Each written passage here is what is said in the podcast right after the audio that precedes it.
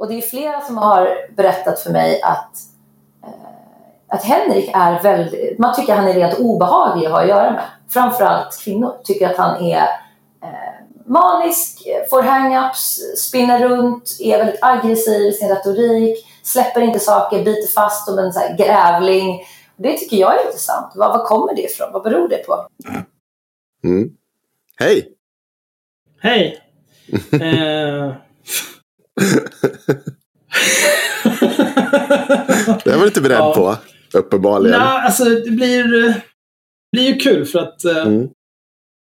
Alltså, är man en idiot och så är man med i vår podd och till exempel berättar för oss att vi kan ingenting om islam eller att vi är obehagliga på olika sätt och vis. Att det, det, leder bara till att man kommer få så oerhört mycket mer än vad man trodde.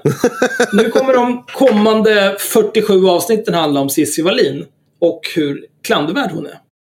Mm. Eh, det här är avsnitt, jag vet inte, vad spelade vi in i fredags? 59. 58. 59. Är det här 59? Nej, det här är 60. Avsnitt ja, 58 var Cissi Wallin.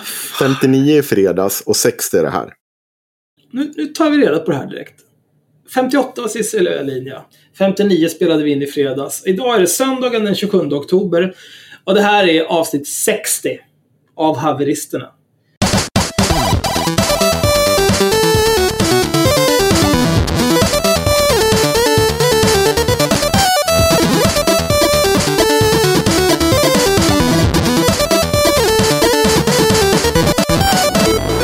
Dagens tema är återigen Cissi Wallin. Allting handlar om Cissi Wallin och Cissi Wallin är extremt klandervärd och kan fan dra åt helvete.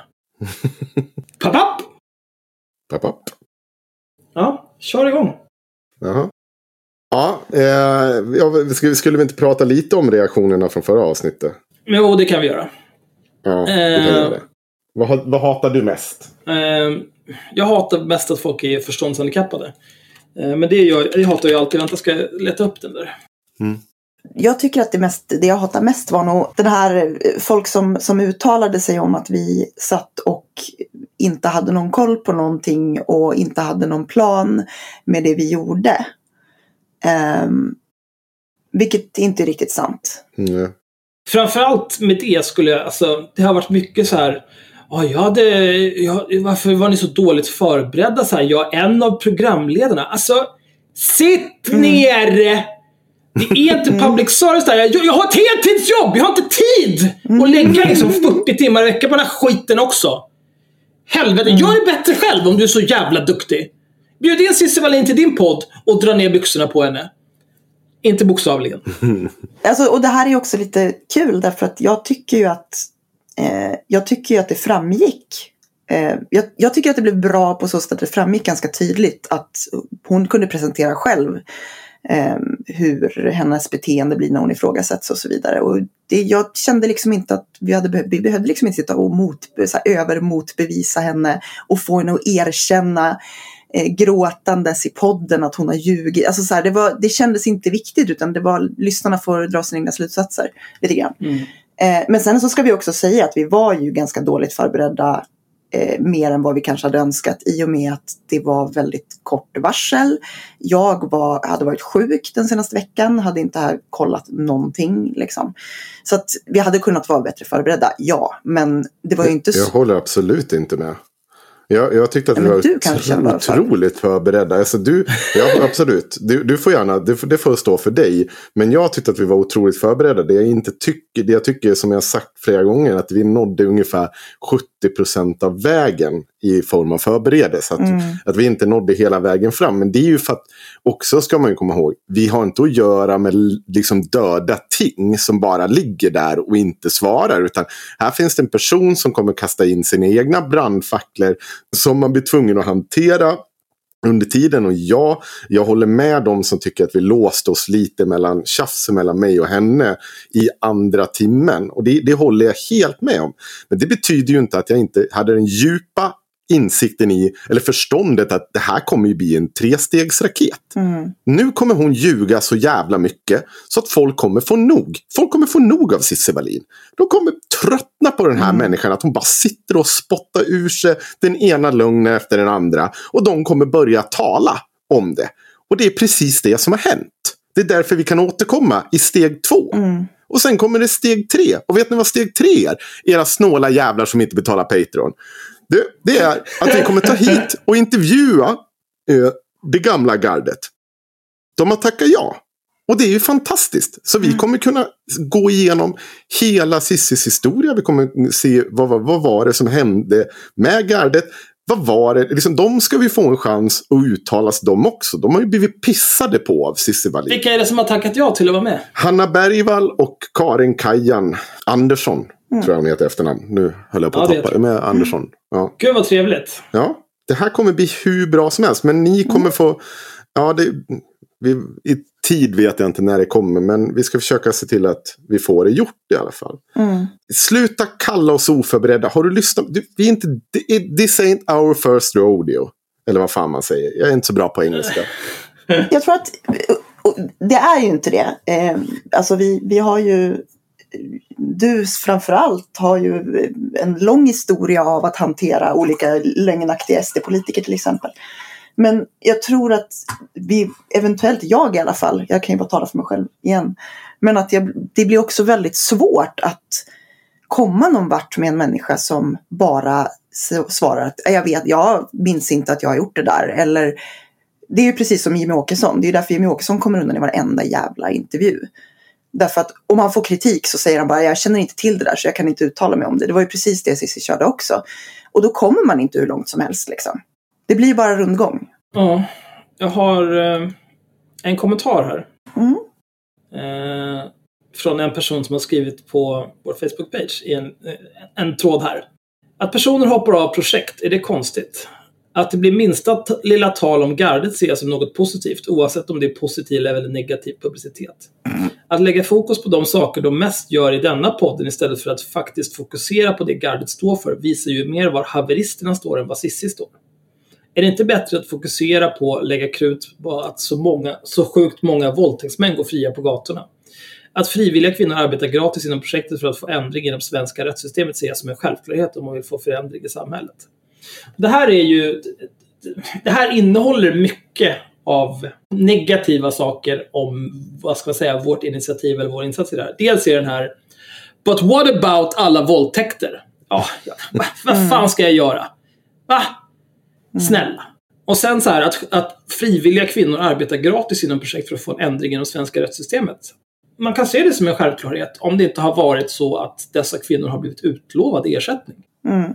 Om man går in i någon typ av projekt med vetskapen och eh, att man inte kommer få betalt, det är en sak. Men liksom att, att folk jobbar heltid och har blivit utlovade att kunna fakturera eller få betalt på något sätt eller arvoderas på något vis, men sen inte får det då har man ju blivit knullad. Ja. Mm. Jag vet inte om det här är en, en medveten missuppfattning därför att man vill eh, försvara eller så här, man vill klanka ner på oss och då försöker man hitta någonting. Men en av grejerna som, eh, som vi också fick kritik för det var så här, ja men vadå, varför bryr ni er om om Sissi har nanny? Det får hon väl ha om hon vill. Um, och det var inte riktigt det som var poängen. Det var ju inte så att vi sa att liksom, du får absolut inte ha en nanny. Eh, utan det handlade ju om att det fanns liksom en typ av alltså hyckleri i att hon å ena sidan då skrev att hon tyckte det var så här, det var så hemskt att Blondinbella uttryckte det som att det var lätt att vara mamma bara för att hon har massa hemhjälp och sen har hon själv massa hemhjälp. Eh, jag, jag, skulle säga att det är rimligare att säga att det är lätt att vara mamma om man har en massa hemhjälp än att som Cissi eller vissa andra eh, sitta och beklaga sig över hur jobbigt det är att vara mamma när man har extremt bra förutsättningar som gör att man kan ta bort väldigt mycket av det jobbiga. Mm. Ja, men är man på toppen av Maslows pyramid, då är, eller Maslows behovstrappa, då kan man hålla på som Cissi gör och bara mm. haverera projekt efter projekt och ingenting spelar någon jävla roll. Mm. För att de, de, hon simmar i pengar. Mm. Och liksom, det, är inget, det är skitsamma. Ja, nej, det här funkade inte. Ja, då går vi vidare till nästa grej. Men för alla de som var inblandade i det projektet kan det få katastrofala följder. För att liksom helt plötsligt är alla pengar borta, de får inte betalt, man blir vräkt. Allt går åt helvete liksom. Mm. Och Cissi bara lallar vidare som det jävla totala apjävel hon är. Jag vet inte om, om vi pratade, för jag vet inte om det här var någonting som jag pratade med henne om under avsnittet. Jag har inte lyssnat på det nämligen, men jag, vi, vi satt ju och pratade en stund efter också.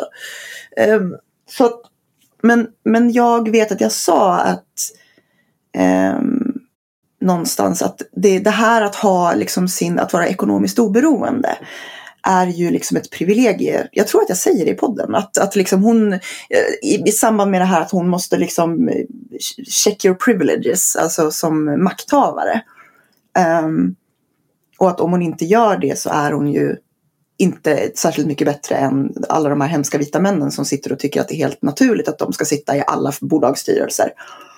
Eh, och att ha just ekonomiskt oberoende eller att vara en sån person som har haft väldigt lätt att dra in pengar. Liksom. Och att ha det där ekonomiska oberoendet är ju ett enormt privilegie. Eh, för att det gör ju att du har, du har ju fuck off-kapital. Liksom. Och då måste man kanske så här tänka, precis som du sa Axel, att alla har inte det, det privilegiet. Eh, och då behöver man kanske inte, ja, man, man kanske liksom inte ska så här pressa andra till att de ska göra massa saker som man själv gör. Därför att de har en helt annan situation att utgå ifrån. Där de inte kan bara liksom investera tid och pengar och eventuellt lägga ner andra jobb och så vidare för det här. Om de inte vet att de kommer få ut någonting av det. Därför att de behöver det. De har inte en miljonärsmake liksom, som står i ryggen på dem och kan backa om allting går åt helvete. Uh, jätte Bra, jag tänker att vi kan väl rivstarta med eh, också. Jag ska säga en sak så här. Som kommer upp i programmet som var lite, jag var inte riktigt förberedd på just att det skulle bli en grej. Och det var att eh, jag är ju van, alltså, jag har ju ett förtroendekapital när jag säger att jag har diverse källor. Att eh, jag faktiskt har källor. Jag sitter inte och snackar skit. Det här är ju ett förtroendekapital jag har byggt upp under många, många år. Eh, och, vi kommer återkomma till det. För alla, jag kommer inte avslöja alla källor inför det här programmet heller. Men den här gången kommer vi ha mycket mer ty och tydligare källor. Vi kommer också även intervjua Flippa Berg till exempel. Som är en källa till eh, vad Wallin har sagt och så vidare. Eh, men det har varit lite krångligt i förra programmet. För att det fanns ju saker som jag ville säga egentligen men vi inte än kunde säga. Men som ska bli ganska befriande nu och komma till nu. Men jag tänker någonstans att vi börjar med, vad eh, är, med, ett speciellt påstående som Cissi Wallin kommer med. Och då ska jag sätta på ljudet för er och lyssna. Eh, och det handlar då om Sissi och hennes eh, syn på gratisarbetande kvinnor. Eller ska vi göra så här? Myra, ska du läsa upp lite vad hon har sagt? Ta några välvalda citat vad hon har sagt om gratisarbete. Mm, så kan vi absolut göra.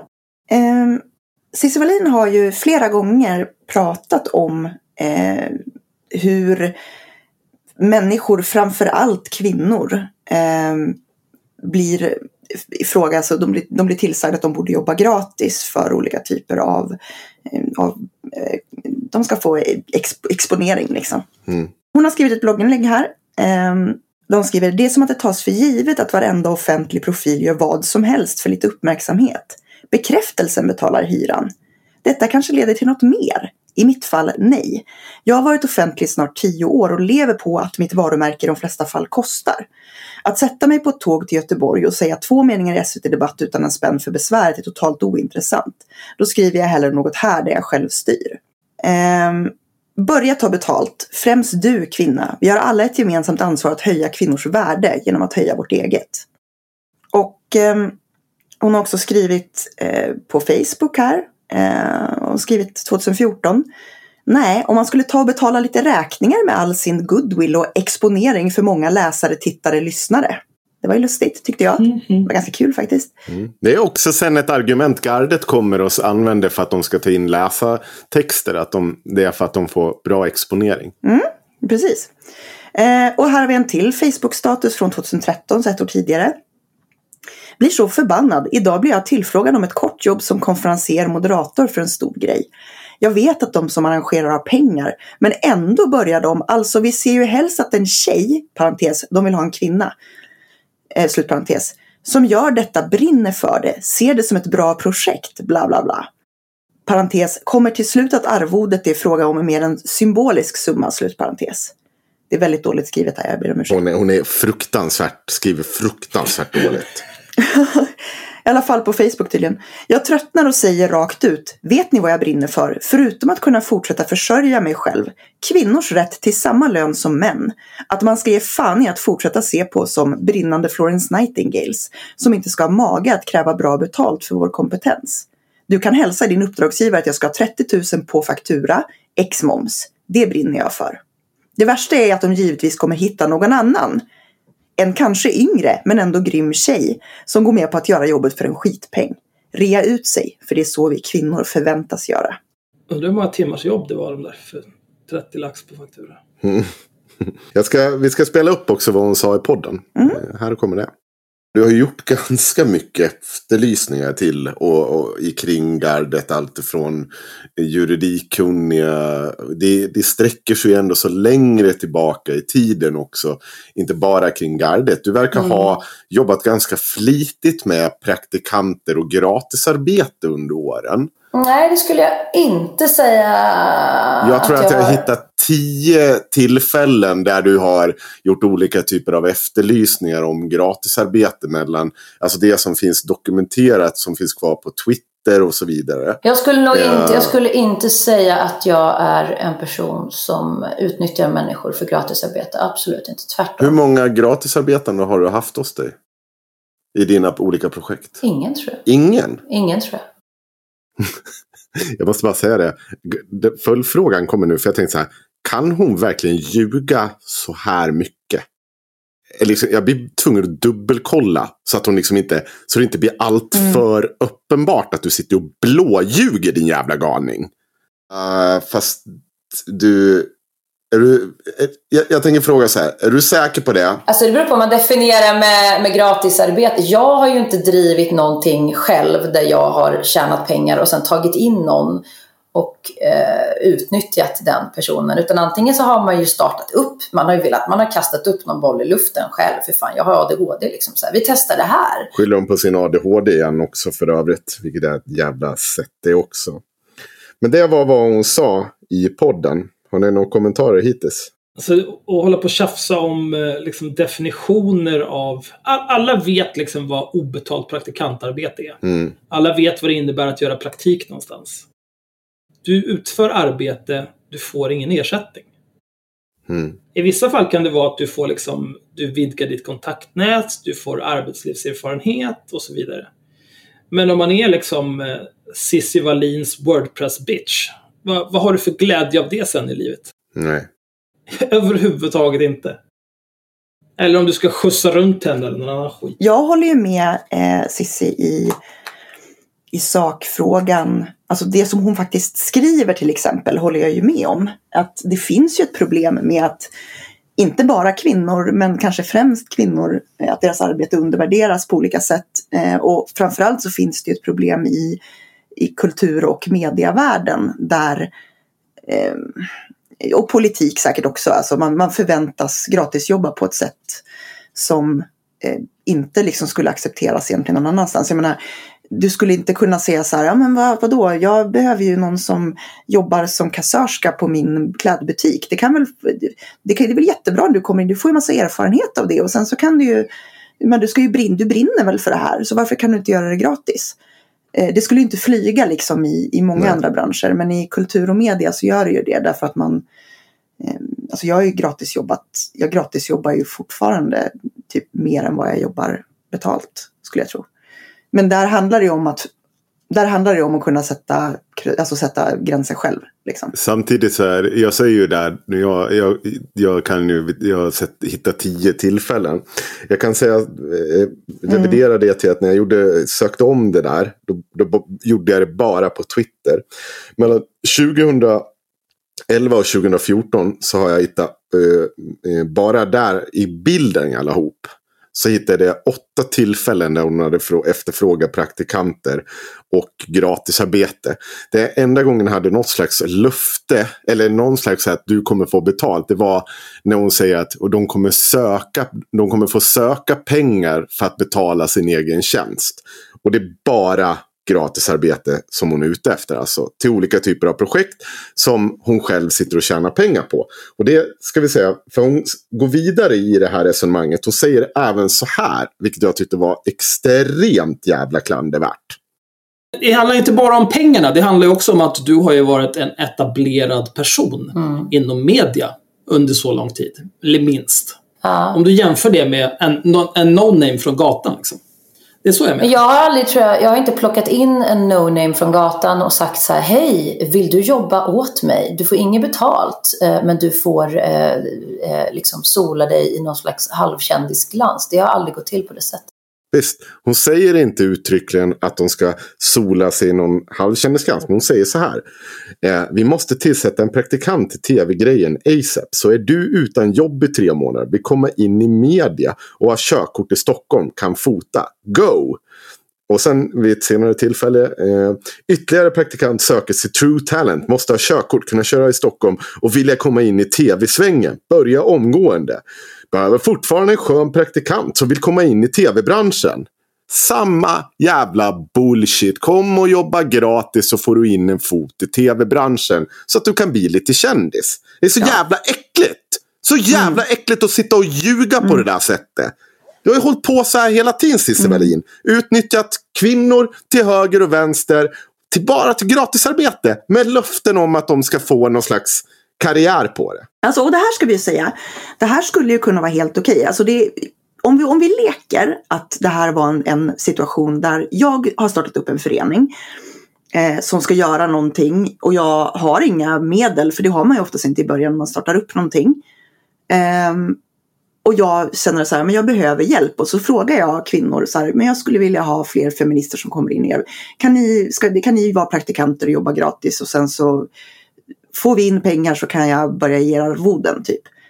Eh, och sen så gör man det och så kanske antingen så är det ingen som vill skänka pengar och så blir det inga arvoden eller så, så gör man det eller oavsett så skiljs man som vänner. Liksom.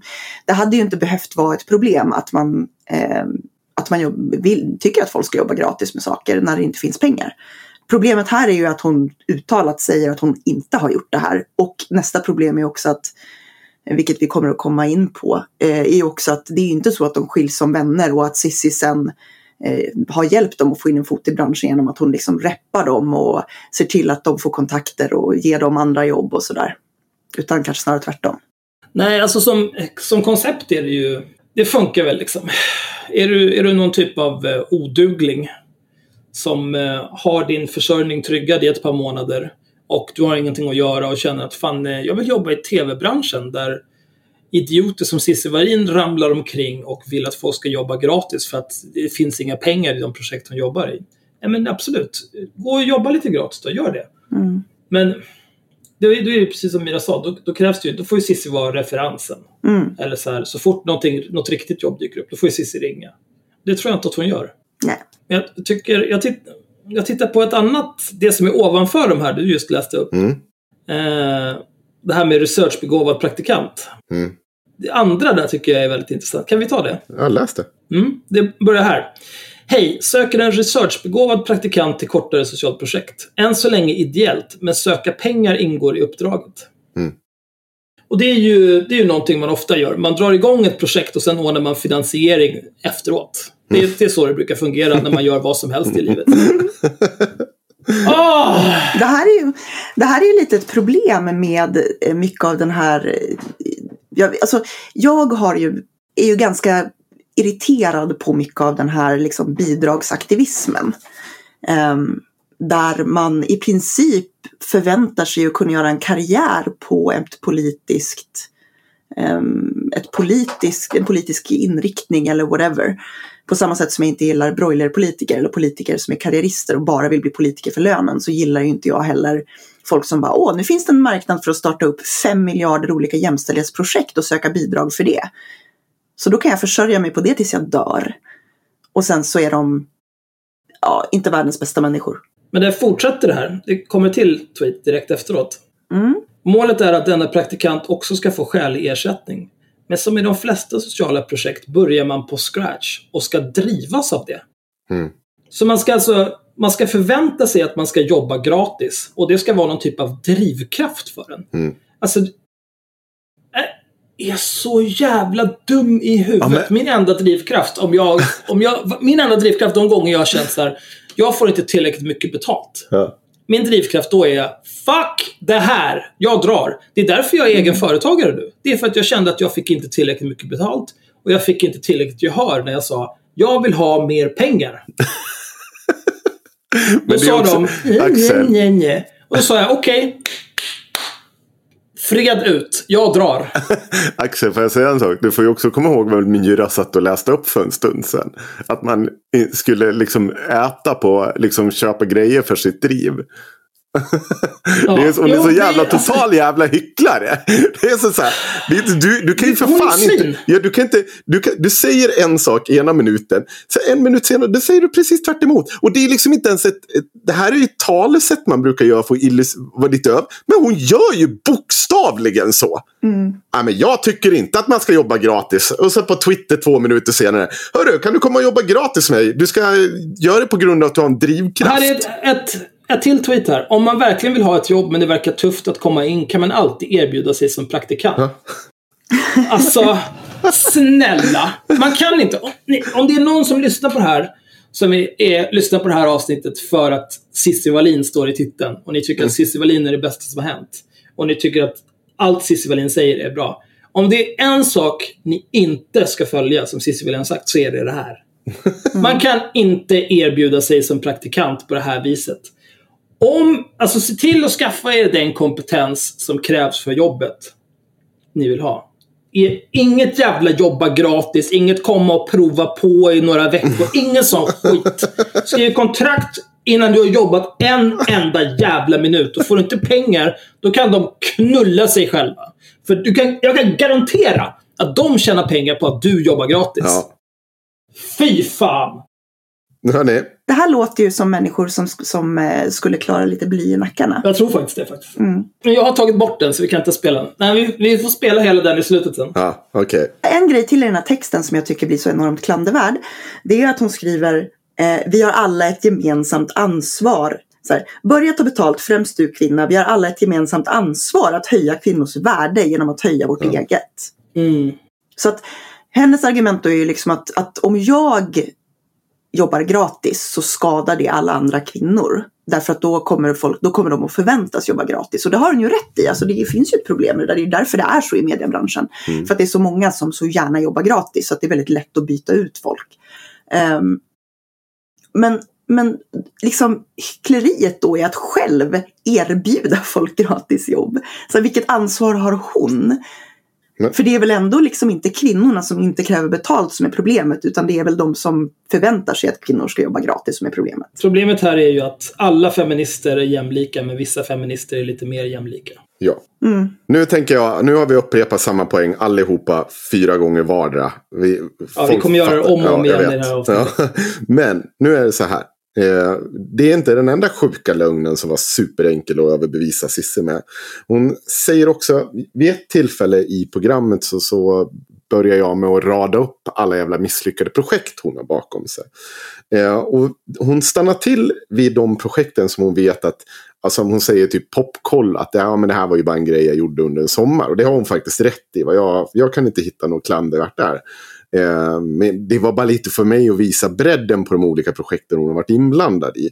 Men hon stannar däremot till vid ett projekt som heter Våga anmäl. Och så här har hon att säga om det projektet.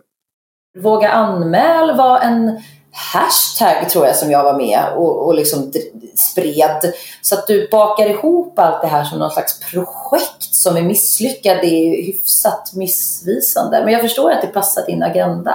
Notera att hon bara, jag tror det var en hashtag. Ja. Det, det, är så konstigt, men vi, vi kommer återkomma. Vi ska lyssna vidare. Det är ju också så att jag pratar med en hel del personer bakom som har varit med och, och flängt i de här olika typerna av projekten. Personer som alltifrån pekar på att, mm. eh, för du tar ju upp det här med Lady Damer och sånt. Personer som pekar och berättar att du ringde runt och sa ganska märkliga saker om henne saker som senare ska typ ha läckt fram till henne som har lett till er konflikt. Jag tänker inte gå in på detaljer för det är ganska privata saker. Och nu vill du få det här att låta som olika typer av hashtags. Ja, alltså... Men de här människorna är ju ganska irriterade på dig och menar att du snackar ganska mycket skit. Det blir jättesvårt för mig att bemöta när du pratar om mm. de här personerna och det är supervaga liksom, ja, jag, jag, jag, jag förstår, men du får det att låta som en hashtag nu bara till exempel. Nej, men jag sa att en grej var en hashtag. Våga anmäl var eh, liksom ett, ett projekt för att prata om vikten av att man skulle våga polisanmäla. Sen så mm hände det massa andra saker som gjorde att folk, folk har inte förtroende att gå och polisanmäla. Då får man ju tänka om lite så okej, okay, hur ska man vinkla det var liksom inte en styrelse som fanns där vi startade och sökte statsbidrag utan det var en lös sammansättning människor som, som liksom ville, ville få fram en opinionsbildning på något sätt. Det är ju inte jag som har varit ansvarig. Nej, titta. Cissi Wallin var inte ansvarig. De var en löst sammansatt grupp av människor och, och sånt här. Så det var, det var inte en hashtag längre alltså? Utan det, var, det var inte en nej. hashtag. Ja, så kan vi läsa då. Eh, 30 januari 2013, 8 41 på förmiddagen. Säg hej till fantastiska Elin Blad som är min nya praktikantassistent ett tag framöver. Ska bland annat hjälpa mig på att få ordning på Våga anmäl, Pepp Elin Blad var en av två praktikanter som var med i det här projektet. Och projektet var ingen jävla hashtag bara. Utan det var en hel kampanj med hemsida. Där man skulle liksom hjälpa brottsoffer. Man skulle få uppmana folk att våga anmäla. Man skulle till och med än en gång söka bidrag så att de här personerna som jobbade obetalt, de här två praktikanterna, de skulle minsann få betalt. Känner ni igen det? Mm. Ja. Ja. Men hon är ju liksom ett levande pyramidspel. Ja. Det är så jävla dumt. Ja, det, är så, så här, det är så konstig lögn. Alla vet ju om att det här var ett jättestort... De hade skrivit på DN. De hade liksom varit med överallt i mer. Och som vanligt när det är Sissi så har du två praktikanter eller folk i bakgrunden som sitter och bygger hela infrastrukturen. Gör alltihopa medan hon snubblar runt i media och bara svinner socialt kapital och i slutändan såklart även finanser. På grund av att hon framstår ju som den stora drivande kraften. När det egentligen är en massa kvinnor i bakgrunden som gör allt jobbet. Medan hon sitter i en intervju och säger snusförnuftiga saker. Gör allt jobbet utan att få betalt. Nu ska vi revolutionera feminismen. Hon, hon sa ju att det var väldigt svårt att bemöta de här anklagelserna för att det var så vagt och visste inte vilka det kom ifrån. Jag har i och för sig svårt att tänka mig, äh, i och för sig, med tanke på hur många hon har blåst genom åren så är det nog svårt att hålla reda på alla. Ja. Mm, men när, det var ju väldigt specifika saker du nämnde trots att du inte nämnde dem. Så jag tror att hon begrep mycket väl vad det handlade om. Det tror jag också. Men det jag tycker är, är det roliga är att så här, nej men det här kan inte jag bemöta. Det är så vagt och så här bla bla bla. Men att säga som hon gjorde sen i en timme så här, ja men eh, många kvinnor tycker att du är obehaglig och hotfull. Det är inte vagt, eller? Det går mm. alldeles utmärkt att säga. Och bara mala på om. Alltså, hon är sån cirkusapa. En liten, liten Mon i en röd fes. Vidrig människa alltså. Oh. Jag tycker ju mest att det blir anmärkningsvärt just det här. Först så säger hon, när hon liksom, eller så här. Det är någonting konstigt med hur hon bemöter. För att hon säger då, precis som du spelade upp, att ja men rättslösa, det var väl någon hashtag tror mm. jag.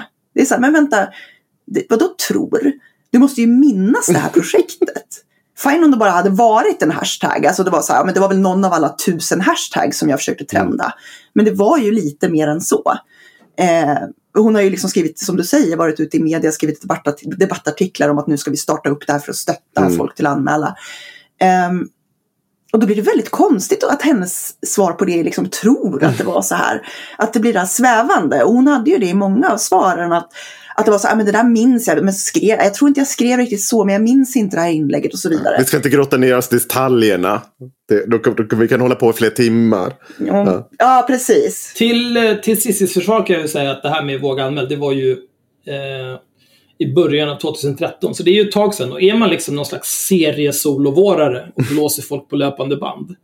Då är det klart att man glömmer bort vissa grejer efter ett tag. Det är inget konstigt. Ja, Jo, men jag, men jag oroar mig lite för Cissis minne. Det var det jag skulle säga. För det känns som att hon har väldigt dåligt minne. Ja. Seriesol och vår. men jag... Nej, men det är, det är, det är först...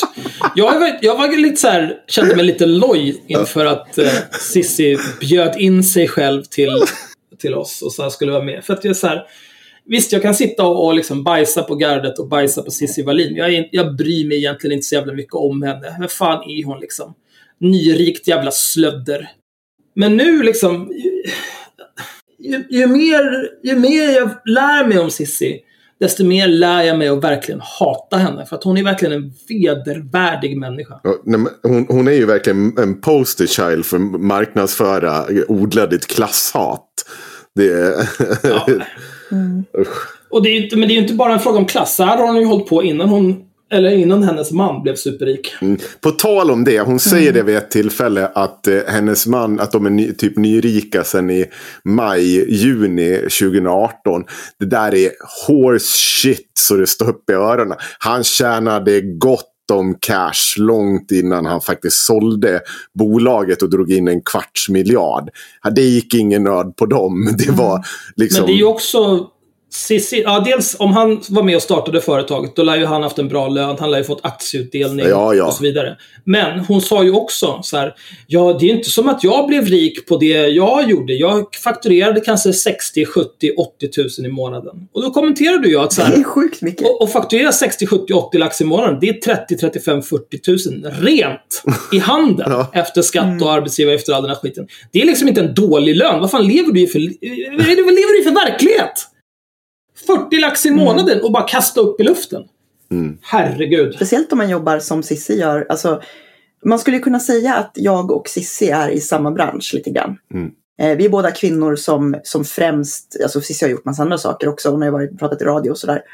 Eh, hon har ju gjort väldigt mycket och väldigt mycket har hon varit bra på. Alltså hon, hon, var ju, alltså hon har ju mycket, mycket talanger liksom.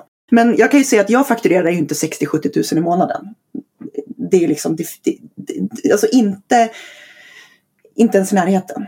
Eh, kanske, kanske skulle kunna göra, men det är ganska svårt att som frilans dra in den typen av pengar eh, i media om du inte då har ett enormt liksom, stort kontaktnät och framförallt kan liksom, fakturera väldigt mycket för ditt jobb. Mm. Mm. Det är ju, ja. Nej, det, jag tycker det är bedrövligt. Och det är också en, en sak som har stört mig orimligt mycket var att hon skrev någon kommentar om att du dricker säkert inte ens dyrt vin. Mm. Den gjorde mig så jävla arg för att det, det, var så, det blir så extremt tydligt att någon är nyrik med en sån kommentar. Mm. Jag tror i och för sig att det där var lite eh, self-aware också. Ja, jag är inte så säker. Jag tror inte att hon har så mycket självdistans som hon vill låtsas ha. Nej, det tror inte jag. Jag håller helt med dig. Men vi ska också gå vidare till varför går då hela det här äh, projektet åt skogen? Jo, för det är två saker som går åt helvete samtidigt. Det är bland annat penntricket som Cissi Wallin hade ihop med Lady Damer, det vill säga Natasha. Som också är, de är, de är, de är också dessutom släkt, alltså ingift släkt. Ja, de är, eh, vad heter det, eh, när svägerskor. Svägerskor. svägerskor. Deras, ja, skit samma. Googla svägerska. Deras män är bröder med varandra. Precis. Mm. Eh, de, Natasha är ju även med i Våga anmäl-projektet. Det är hon som gör grunden, hela hemsida och sånt där. Eh, det finns även en person som heter Hanna Lemoyne och lite fler personer inblandade i det här projektet. Eh, och när jag pratar runt bland dem som, för det här har spritt sig ganska långt utanför projektet. Och det var så egentligen vi först började liksom verkligen bli nyfikna på Cissi Wallin. Det var ju att vi fick höra den här storyn. Uh, och det är att uh, det Cissi gör, hon är expert på att ringa runt till olika personer och uppge så här, falsk eh, omtanke om någon annan. Du vet, alltså, så här, riktigt jävla hög, inte högstadie, men så här, vad säger man? Ja, något typ av liksom, riktigt så här äcklig... Koncerntrollar? Ja, fast du vet när du gör det för att mm. isolera människor. När du håller på att gaslighta dem och håller på eh, liksom, beter dig illa. Att du ringer runt och en man kanske ringer runt en, en utsatt kvinna och säger att hon mår ju inte så bra nu. Liksom, det är ju, det, hon är ju speciell nu. Hon har börjat svamla väldigt mycket. Och, och egentligen är den här kvinnan helt, liksom, vadå? Vad, vad är det som händer? Och fattar inte varför alla drar sig undan. Mm. Det är inte gaslighting. Gaslighting är riktade mot personen i fråga okay, själv. Ja, alltså eh, men, men däremot ja. ja, du har helt rätt i att det här är ju sånt där man använder för att på olika sätt få andra att framstå som eh, inte pålitliga liksom, genom, Nej, genom låtsad omsorg. Typ jag skulle kunna säga så här, jag skulle kunna gå, gå, gå ut eh, i podden och så skulle jag kunna säga så här, ah, ja nu ligger Henrik, nu somnade Henrik från podden. Alltså det, det är tråkigt det här, jag är så orolig för han verkar dricka så himla mycket. Han blir så otrevlig när han dricker. Jag förstår inte. Oj, oj. Det, är så här, det är väldigt synd om honom. Jag, jag bryr mig bara om honom. Jag vill inte Too close to home. Too close to home. Nu känner jag att det här vart jobbigt. Nu, nu pratar vi aldrig mer om det här. Nu ska jag berätta vad som händer i alla fall. Det hon gör det är att hon ringer runt och, och berättar att eh, hon är så orolig över Natashas barn. Och att hon funderar på att sossamäla Natasha. Eh, och det här håller ett tag. Hon ringer till olika personer och drar samma story. Men till slut kommer det fram till fel person som då berättar för Natasha att det här sker. Och då förstår ju ni att saker och ting tar hus i helvete. Natasha vill ju inte veta av Sissi. Eh, och både projektet då Våga anmäl men även PEM-tricket går i graven. Och där har jag fått information då om att eh, till exempel Natasha blir tvungen att betala den inställda eh, föreställningen de ska göra tillsammans. Det är hon som blir tvungen att betala den här för Cissi tycker liksom att det är hon som har lagt ner det. Har ingen förståelse för att hon just har ringt runt till folk och sagt att hon ska sossamäla sin jävla svägerska och var helt galen. Det har ju såklart aldrig kommit. Det här är ju trams mm. och bara lögn och förbannad dikt så som det mesta Cissi Wallin gör. Hon drar sig inte för att ljuga och vi kommer återkomma till det i det här programmet Men också. Var, var, var, varför gjorde hon Nej? Hon hade hittat på att Natasha låste in sina barn. Ja, men, men varför ringer hon runt? Det, det måste Nej, ju... det är oklart. Det är för, ja, men, motivationen är ju så, hon, det, det, är ju återkommande när man pratar med människor. Eh, alltså, det är sån otrolig när hon säger till exempel om mig om att det är massa människor som finner mig obehaglig. Och jag, jag kan väl ge henne att det är säkert en och annan som inte alls är superglad i att få ett samtal från mig.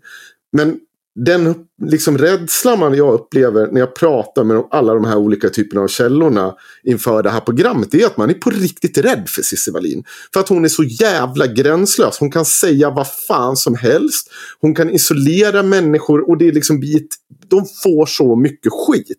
Så man vill inte prata. Man vill inte prata öppet med sitt namn. Mm.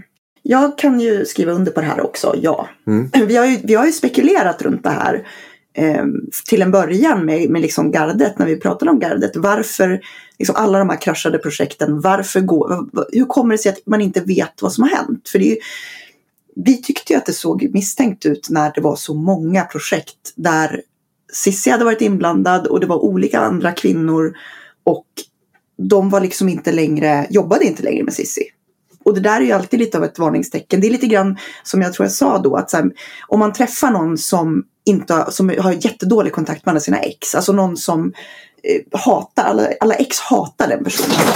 Sånt ska man akta sig jävligt noga för. Oj jävlar, nu slåss mm. mina råttor. Gå och lägg Sånt ska man akta sig för, för det säger någonting mm. om personen. Eh, och det är lite samma sak här. Att om du träffar en människa och alla den personens arbeten har på något sätt slutat i drama. Då ska man vara lite försiktig med att jobba med mm. den människan. Så är det. Eh, och vi spekulerade i varför inte det här kom fram. Ja. Och trodde ju att det här kunde vara anledningen. Ja, och vad heter det? Så att den här liksom storyn, det är, än en gång, det är flera av varandra oberoende källor som kom, som liksom kom fram med den här storyn. Så att det, den är ju, det, är ju, det har ju hänt. Eh, det är inget snack om saken. Men det här får ju inte folk veta för att det är liksom ju en eh, intern angelägenhet. Eh, också en familjeangelägenhet i mångt och mycket. Och det är klart att det är inte enkelt för en person att gå ut och säga så här, ja, jag, jag blir anklagad för den här människan säger att hon ska ringa SOS på mig. Det är väl inte någonting man själv går ut och säger i första hand. Även om det inte finns något som helst belägg för det som i det här fallet. Och då, då liksom, men jag förstår ju att hon har kunnat härja runt för ingen säger ju ifrån. Ja, nej men det skulle ju bli mm. Streisand-effekten liksom. Alltså att om du går ut och säger eh, att ja, men, eh, min svägerska och gamla, min kollega som jag poddar med, hon hotar mig med att anmäla mig till SOS. Så nu måste vi sluta med podden. Då skulle ju folk vara så här, fast vänta nu, det här låter helt mm. osannolikt att någon som är så närstående skulle hota med att anmäla någon till SOS om det inte fanns grund för det. Så att risken är att det skulle ju backfira på ja. Natasha i det här fallet. Så är det. Just i det här landet också, SOS är ju, det är ju kanske ingenting man vill ha att göra. Det var ju, berätta väl det för er. Jag tror att jag berättat det i podden. Det var ju någon som gjorde en SOS-anmälan av mig för några månader sedan. Och menade att jag var mm. beroende av piller och av alkoholiserad, var ensam, umgicks bara med andra missbrukare. Hej och. Då fick jag något brev från stadsdelsnämnden och ville att jag skulle komma på samtal. Så är det bra. Men ni kan skicka allt ni har om den här anmälan så jag kan göra en polisanmälan. Då sa hon så här, ja du kan få det direkt i handen när vi haft ett möte. Nej, det är bra tack. Skicka det nu. Men hade det då varit så att jag hade haft minderåriga barn. Mm. Då hade det ju inte varit tal om något sånt där. Då hade de ju varit här. Ja. Mm. Så det blir en helt annan sak. Det här är ju också den incident du, du menar när du, ja, där som du spelar precis. upp. Som inte vi säger, där inte du vill gå in på i detaljer. Nej. För vi visste ju om det här men vi, i och med att det var, precis som du säger, väldigt personligt och, och sådär så, har, så gick vi inte in på det. Men Cissi började ha vetat vad det handlade om. Jag tänkte bara be er om lov att gå och hämta lite cola. Så tar vi... Oj, cola! Mm. Men det, jag blir ju... Ja. Var, det för att jag, var det för att jag sa det där om drickandet? Jag kommer snart. det kommer inte vara cola i glaset. Nej, cola och whisky kanske. Mm. Rom och cola. Eh, men jag tänkte på det, några av de här dumma kommentarerna vi har fått var ju också, ja men de presenterade ju inga källor, varför ska Sissi eh, si och så när vi inte presenterar källor?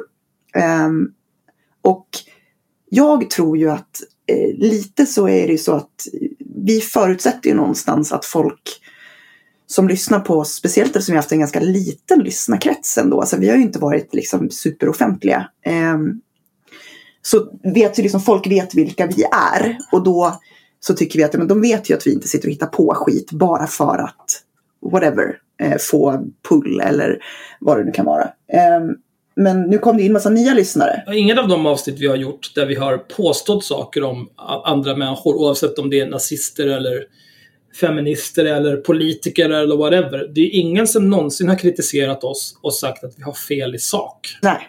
Nej, nej. De tycker bara inte om våran ton. Utan det handlar ju alltid bara om att vi är någon slags vi är vänsterextremister eller ja, du kanske har rätt men du sa det inte på ett trevligt sätt och så vidare. Du, du kallas av folk för horungar så du måste hata kvinnor och så vidare. Men... Ja, barnslig jargong och hej och, och, och det är fine. Ja, och det kan vi ta.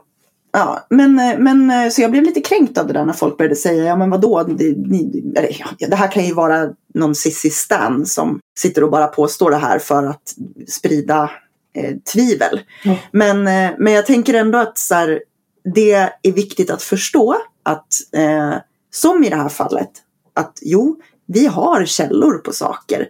Vi hade källor på saker framför oss när vi spelade in avsnittet. Folk berättar saker men de är inte okej med att man delar vilka de är och berättar om historierna publikt. Eh, på samma sätt som Sissi sa att hon inte kunde dela med sig av alla de här som hade skrivit till henne om att Henrik var obehaglig. För att det skulle ju utsätta dem för hot. Vi tar det sista som faktiskt nämns i podden känner jag. Och det tycker jag är lätt värt att eh, ta oss igenom. Och det handlar ju då om att vi, ni, och det var, så här, det var många som undrade också, och ni tog ju upp det tidigare, att eh, det här med Nans, varför frågade vi om det? Eh, och jo, vi, vi anser att det finns ett hyckleri där, där hon har mm. gnällt utåt om eh, hur andra använder nannies. Och samtidigt som hon själv nu då sitter och lajvar. Alltså, jag har sett så extremt, hon skyller ju alltid på att hon har barnkaos. Hon kommer ju för sent till ta med fan allting hon gör. Mm. Och det är alltid barnkaos. Och det där har jag liksom bara, ja men herregud, du har två liksom nannies ett any given moment i princip. Eh, du har liksom städhjälp eh, som vi också som vi tog upp lite löst då. Eh, köper väldigt mycket hämtmat och eh, tvätthjälp. Liksom du, har, du lever miljonärslivet och liksom har allt förspänt för. Och ändå så är du den här totalt utarbetade två, tvåbarnsmorsan. Hon har väl också en väldigt supportive man som jobbar kontorstider som kan hjälpa till med ungarna. Ja, han ska tydligen också vara föräldraledig. För det sa hon i avsnittet. Mm. Ja, ja, då så. Då är det väl inte ett problem. Men jag, jag vill ändå säga så här att eh, Sissi säger att hon har ADHD. Jag har ADHD. Eh, jag kan säga så här att jag skulle, jag kan knappt ta hand om mig själv och mina fyra råttor. Alltså skulle du sätta ihop mig med två barn som jag skulle ta hand om, då skulle jag också konstant känna det som att jag var på randen till utbrändhet. Därför att det är ett jävla heltidsjobb bara att lyckas få ihop min vardag utan att det är två jävla små ligister som springer runt och har massa behov av saker. Så att jag, så här, jag tänker ge henne det, att det, det är ganska jävla jobbigt eh, om man har den typen av sjukdomsbild. Det finns ganska mycket i en vardag som egentligen inte är svårt som blir väldigt svårt. Till exempel att komma i tid till saker eller att komma ihåg saker eller att eh, liksom inte skjuta upp saker till sista minut och sådär. Så att jag tänker ge henne lite, jag tänker så här, jag, jag tänker inte skamma henne överhuvudtaget för att hon säger att det är jobbigt att ha barn. För att jag hade tagit livet av mig. Så kan det vara. Men problemet är eh, när hon använder det som en eh, i helt andra sammanhang. För i det här fallet så säger hon eh, hon använder det mot människor. Eh, hon använder det eh, som en konstant ursäkt när det kanske inte alls överhuvudtaget stämmer. Inte ens på, liksom, hon har inte hand om ungarna ens. Mm. Så det blir ju ett... Det blir ju inte... Det handlar, jag förstår. Med den sjukdomsbilden så kan det bli. Mm. extremt krångligt. Men det, vi ska lyssna på det så får vi höra vad hon har att säga om det. Jag hade faktiskt aldrig tagit upp det om det inte vore en grej som du tar upp så ofta. Du vill göra det, eh, gör sken av att det är ett extremt, alltså hur tufft det är det här med att vara småbarnsförälder och så vidare. Men du har ju nannys och du har ju städhjälp. Jag har inte nannys. Jag har en, en person som hjälper oss några timmar med våran lilla för att han inte ska behöva börja förskolan. Men vi delar också på föräldraledighet, jag och min man. Så det är inte så att vi har eh, nannys som bor hemma hos oss eller att vi har någon slags personal som är hemma hos oss. Jag hatar att ha människor hemma hos Fast du skrev ju att typ de bodde jag tror att du skrev typ i någon kommentar att Va? de bodde, nej, nej, nej vänta, jag har jag inte sett klart. Att de bodde i en lägenhet där. Eller? Jag... Nej, abs nej, nej, då har jag skojat med någon. Då har jag varit ironisk. Jag har absolut ingen, eh, jag har ingen personal som bor här. Alltså inte inne i din det lägenhet, ju... utan i anslutning till din lägenhet. Stämmer inte det? Men vadå, de? Vilka är Den... de? Nej, vilka är de? Stämmer inte det? Nannyn? Ja. alltså det är så mycket härliga spekulationer som jag bara känner är så här, jag tänker inte... Uh... Nej, jag frågar, jag frågar, du svarar inte på frågan nu. Stämmer inte det, den uppgiften? Vad? Att det bor nannys i... Att nannyn bor i, an, i anslutning till er, där ni bor? Nej, det stämmer inte. Okay. Jag, alltså, ni har, jag har hört att ni också har sagt, det var någon som sa att ni hade sagt att, att vi har någon som eh, tvättar hos oss och Eh, kommer med vår mat. Eller att vi har någon som lagar, nej, le levererar vår mat. Har vi jo, aldrig sagt. Jo, det var någon som hade nej, hört nej. det i någon podd. Ja, det är någon som kan ha sagt det, men det är nog Elaine Eksvärd. ja, men det är inte bara där. Hon har hört det i någon podd, det är klart vårt ansvar. Mm. Det, eh, men... Det, men, vi, hon, hon, hon, kommer också komma med till påstående Mira om sin närnes. Vänta. Några andra underbetalda kvinnoyrken är ju nannies och städerskor till exempel. Har, du, har de kollektivavtal om du anlitar? Mm. Absolut. Har de det? Absolut. Vi använder, he, vi använder Hemfrid eh, varannan vecka och de har eh, kollektivavtal. Okej, okay. nannyn då? Eh, nannyn har absolut kollektivavtal. Med vilket förbund? Det är, en, det, är en, för det, är en, det är en firma, nu kommer jag inte ihåg vad de heter, för det är inte jag som har anlitat, eller som sköter, det är min man som sköter den kontakten, men det är ett företag. Det här var en av de grejerna som jag också fick kritik för, där de säger så här, men de sitter ju bara och, och, och gissar så här har, inte, så här, har inte du skrivit det här? Och så säger hon nej och då kan de inte visa eller läsa upp. Det hade ju bara varit att läsa upp det här om det hade funnits. Eh, har jag sett på mm. flera ställen. Och det är så här, då är man lite dum om man inte fattar att du är ju du, du vill ju kolla om det här stämmer för att du tror att du har läst det på samma sätt som du är lite nyfiken på saker. Du vet ju att hon har skrivit det här. Eh, ja. men, men det är klart att om du säger det så kommer du inte få samma svar som om du säger men jag tror att någon gång, har inte du skrivit någon gång att? För då ger du ju henne utrymme att ljuga, vilket hon också gör. Eh, ja, det ger henne rep. Mm, exakt. Sen kan ni dra er slutsatsen vad hon kan göra med det repet. Oj tar avstånd. Oj. I alla fall, eh, jag kan läsa upp vad hon har skrivit. Och hon har en poäng. Hon skriver inte direkt i anslutning, men hon skriver så här. Vet, vet inte om sådana här inlägg är okej okay här, men chansar. Letar efter en barnvakt som också letar efter boende i Stockholm, söder. Perfekt för dig som pluggar och, och vill jobba extra och bo utan hutlös hyra. Med att ta hand om, några, eh, om barn några timmar i veckan. Man måste gilla barn, smiley. Maila mig gärna här. Varför tror ni att den här personen inte behöver betala hutlösa priser? Det är för att det är ju Wallin som äger lägenheten. Och lägenheten i sig ligger på samma våningsplan som de bor på. Så alltså i direkt anslutning till deras jävla boende. Din, din, din sanningsvarierade idiot. Åh mm. oh, gud. Mm. Men det stannar inte där.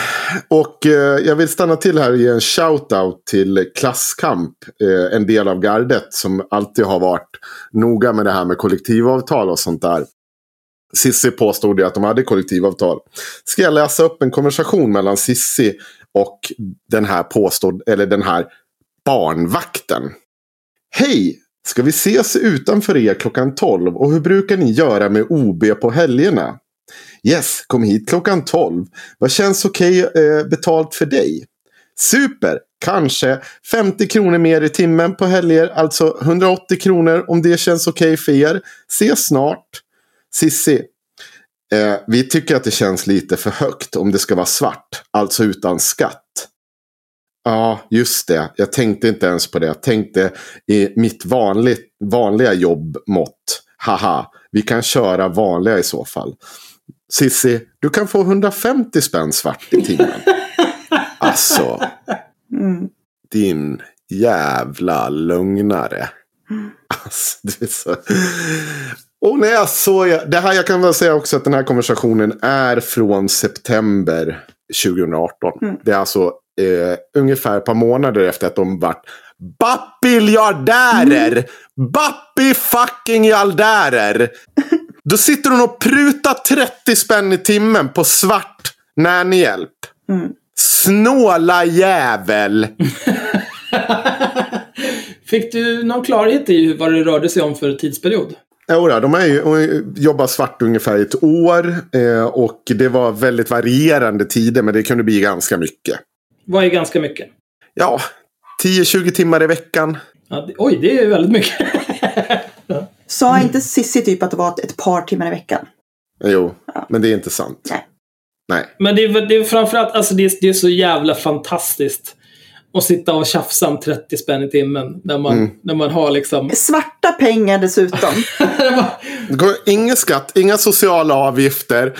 Ja, ja när du har nio siffrigt på banken. är det nio? Är det, det är så jävla glidigt. En kvarts miljard har de på mm. banken. Mm. En kvarts miljard. Men inte nog med det hörni Nu kan inte jag säga eh, för kom ihåg nu att hon nekade till att hon hade två nannies. Och det kan ju vara så här. Jag ska lägga på den här brasklappen. Vid just det givna tillfället att Sissi intervjuas av oss. Så kanske en barnvakt hade, eller barnvakt nanny hade slutat. Så kan det mycket väl vara. Men alla på gardet vet ju om det här. De vet ju om att hon har nannies. Alla vet om det här. Det här är ingen hem, det är liksom ingen statshemlighet. Så hon sitter ju och blåljuger i bara liksom tron om att det här kommer aldrig komma ut. Eh, hur, hur sjuk i huvudet är man inte då? Mm. Men det, det, fantastiska är att det stannar ju inte bara där. Utan det är ju så att eh, det händer ju så att eh, Linus hör av sig till nannyn. Och han säger så här. Hej, jag råkade swisha 320 kronor till dig. Så skulle till vår andra barnvakt. Har du lust att swisha tillbaka? Hoppas allt är bra. Alltså... Linus. Äh, fick nu, tack. och Sissi också. Råkade swisha 200 kronor. Kan du swisha tillbaka? Skickat. Skulle också till den andra barnvakten. Jag säger inte att det här är lön för en annan svartarbete. Men jag säger att det finns det saker som pekar i den riktningen. Det, det, här är ju också så jävla... Alltså om jag skulle betala någon svart. Mm. Då, då, skulle jag betala det kontant. Ja. Inte sitta och swisha som en jävla idiot. Jaha, vänta. Här, hur ska jag göra för att se till så att det finns så mycket bevis som mm. möjligt för att jag begår skattebrott? Jo, jag ser till att det finns ett paper trail. Din dumma jävel. Men kom, kom ihåg att det fanns bara en nanny. Det fanns bara en nanny. Ja. Kommer ni ihåg det? Kommer ni ihåg att det bara fanns ja, en nanny? I taget. Hon kanske, de kanske bara är en hemma i taget. Det kanske var det hon menade. Ja. Att de inte har så 15 stycken jo, hemma hos sig De har ju en på nätterna och en på dagarna. Sen så en annan lite kul grej i det här blir ju också att hur jävla överklassklandervärt är det inte att man liksom blandar ihop tjänstefolket flera gånger? det är bara så här, man, de har inte ens, det är lite som det här, så alla svarta ser likadana ut fast typ alla, allt tjänstefolk ser likadant ut. Oj, aha, det var... Alla som inte är miljonärer ja. Ja, det är så oj vi råkade swisha fel igen för att vi kan inte skilja på våra barnvakter. Nej. Jag lovar att de heter typ Nanny 1 och Nanny 2 i deras telefonböcker. Ja, exakt så. Förmodligen, förmodligen är det så. Fy fan. Det, det, här är ju egentligen, jag vet inte, man kan ju vara så här. Ja. Men, men om jag hade någon, någon typ av, om jag var bappmiljardär och jag anlitade någon svart till en snål lön och så råkade jag swisha fel. Alltså det är många steg av idioti mm. i det här. Men ponera att jag var den här typen av hjärndöd. Om jag då swishar 200 spänn fel. Mm. Jag skulle bara let it go. Jag swishar 200 till rätt person. Vi pratar aldrig med någon. Vem fan bryr sig? Vem fan bryr sig? Men nej. Nej, så är det. Och det är också, när man, när man arbetar svart, då är det ju också... Jag kan ju en hel del om det här nu eftersom jag är entreprenör. Eh, men man kan ju säga liksom, ska det vara svart, då är det ju liksom 150 timmar svart blir ju en total lönekostnad på 300 kronor ungefär mm. i timmen. Och det är ju liksom inte bara den som, som, eh, tjän, liksom som betalar lönen som ska tjäna på det genom att slippa betala arbetsgivaravgifter och försäkringar och all sån där skit. Mm. Utan man ska ju dela på pengarna i så fall. Mm. Det ska ju snarare ligga närmare att den som är anställd tjänar mer på att vara anställd svart. Ja, men alltså det, så är det ju alltid. Eftersom det, det, man tar ju en enorm risk och man blir ju återbetalningsskyldig för skatt och all sån där skit. Och det är ju mer än sociala avgifter och sånt. Så det är liksom... Framförallt så är det ju så här att jag har ju jobbat som hantverkare så jag har jobbat svart i mina dagar. Eh, så du kan en hel del? Jag kan en hel del om att jobba svart. Oj, jag tar avstånd. Eh, men, mm. men alltså det, det är ju så att du du behöver inte skatta på det. Så att fine, alltså timlönen kommer ju vara lägre än den skulle vara om man räknar med timlönen utan skatt. Alltså så här, om man säger att timlönen är 250 kronor eh, men sen behöver du skatta på det så har du ju inte 250 svart. Men däremot så ska du ju, du, du liksom, standarden är ju alltid att du får ut mer svart än du hade fått om du hade tagit samma lön vitt efter skatt. Mm. Nu vet inte jag om man får som nanny i och för sig, men... Nej, men alltså det, jag tänker bara så här. Jag tänker att, att jag hushållsnära tjänster som hushållsnära tjänster. Typ. Ja, just det. Det här hade de ju kunnat dra på RUT också. Exakt. Um, och dels är det ju det där som du säger att, att man tar ju en risk som svartarbetare därför att du kan ju behöva liksom, skatta på det sen. Och då har det ju gått jättemycket minus eh, plötsligt. Eh, men också, det finns också en aspekt av att du får ju inte liksom, där är ju inte pensionsgrundande pengar så att du måste ju lägga undan egen pension till exempel. Och det är också en anledning till att du ska ta ut mer pengar om du tar ut pengar svart. Ingen semesterersättning. Ja, och gissa vad, gissa vad det är, brukar kallas som? Jo, en kvinnofälla. Ja! Det spelar ingen roll vad hon gör. Hon har ju blivit våldtagen en gång så då är hon ju en god feminist. Det är inte mm. riktigt så det funkar Cissi mm. Oj! mm. Det är mörkt ja. fort här alltså. Eh, men jag, jag, kan ta på mig att uh, höra av mig till uh, Jenny Klasskamp Bengtsson och fråga henne vad hon tycker jag. om att hennes styrelsekollega i gardet har den här typen av svart städhjälp. Hon som är mm. den stora arbetarklasshjälten. Och innan folk sa, jag kan väl lägga på, ge på mig själv en brasklapp då för att jag sa sådär. Eh, poängen är alltså att det krävs lite mer än bara liksom fina ord. Det krävs lite handling också. Eller att man har varit med om en upplevelse. Du kan inte sitta och blåsa människor på pengar på det här sättet. Och sen kalla en god feminist för att jag har varit med om någonting hemskt. Mm. För det blir ju om och om igen det det landar ner på. Det är liksom mitt förtal, min våldtäkt, min det här hemska tragik. Ja, det var ju den här, den här personen som jag läste om på Facebook som hade kritik mot oss. Som skrev det på sin sida. Hon nämnde ju också det här med eh, att Cissi har blivit utsatt för övergrepp. Liksom, som att det på något vis är relevant. Nej, precis. I, i varenda jävla aspekt av hennes varelse. Det, det, det kan inte vara det. Liksom. Utan att förminska det det innebär att utsättas för ett övergrepp. Så är det ju... Det vill det, inte jag göra för övrigt. Så det kan jag be om ursäkt för. Ja, men utan att förminska det så kan vi också säga att de allra flesta människor har ju utsatts för någon typ av övergrepp. Även om inte alla är sexuella, men väldigt många har utsatts för sexuella övergrepp. Frågar du Linnea Claesson så har ju alla kvinnor utsatts för sexuella övergrepp i någon form. Eller sexuella trakasserier var det var Sexuellt våld. Sexuellt våld till och med, ja. Mm. Eh, så att beroende på definition. Men eh, det är ju inte så här, man kan liksom inte använda det för att komma undan, precis som du säger, ansvar för helt andra saker. Nej. Så här, ja, det är kanske relevant att du har blivit utsatt för övergrepp om det kommer till att du kanske är, tycker att det är jobbigt med nära kärleksrelationer för att du är färgad av ditt övergrepp eller liknande. Där kanske det är relevant. Men är det relevant inför vad, hur du betalar din städhjälp? Det tror jag fan inte. Jag har mycket svårt att se det. Jag, jag, ska, jag vill faktiskt... Eh, eh, jag tror inte på Cissi längre. Mm. Du, du, sa ju det i förra avsnittet mm. när vi pratade med henne. Att du, du trodde på hela det här mm. Virtanen Gate. Jag tror inte på det längre. Nej, Nej jag tänker inte tvinga dig. Att, serielögnare den här jävla människan. Det var någon som skrev någonting eh, to that effect i vårt kommentarsfält såg jag. Att det blir ju väldigt, liksom, Eh, för att vara en person då som går ut och säger att man ska tro kvinnor, det är viktigt att man alltid tror kvinnor när de rapporterar om övergrepp, så skjuter man ju sig själv lite i foten om man sen i samma andetag sitter och ljuger helt skamlöst om andra saker. Kan man säga. Ja, alltså det, det är också skillnad på att tro kvinnor och på att tro en lögnare. Mm. För det är ju det Cissi Wallin är först och främst. Hon är en jävla lögnare. Som manipulerar sin omgivning. Mm. För att hon är jag kan, jag, jag, kan säga att mitt förtroende för henne har fått en ordentlig törn. Men jag, jag vill greppa fast vid att separera de två sakerna. Ja, men, men absolut, jag, jag, det är ju inte direkt att jag har ett förtroendekapital som är skyhögt för henne. Vi måste ändå så gå vidare. Vi ska inte dra ut på det här. Du skulle väl gå och raida sen Axel? Du borde ju ha ett starkt intresse av att det här blir klart nu. Ja, jag ska raida om en timme. Mm. Ja, alltså när jag känner att jag behöver gå, då kommer jag bara stänga av och gå.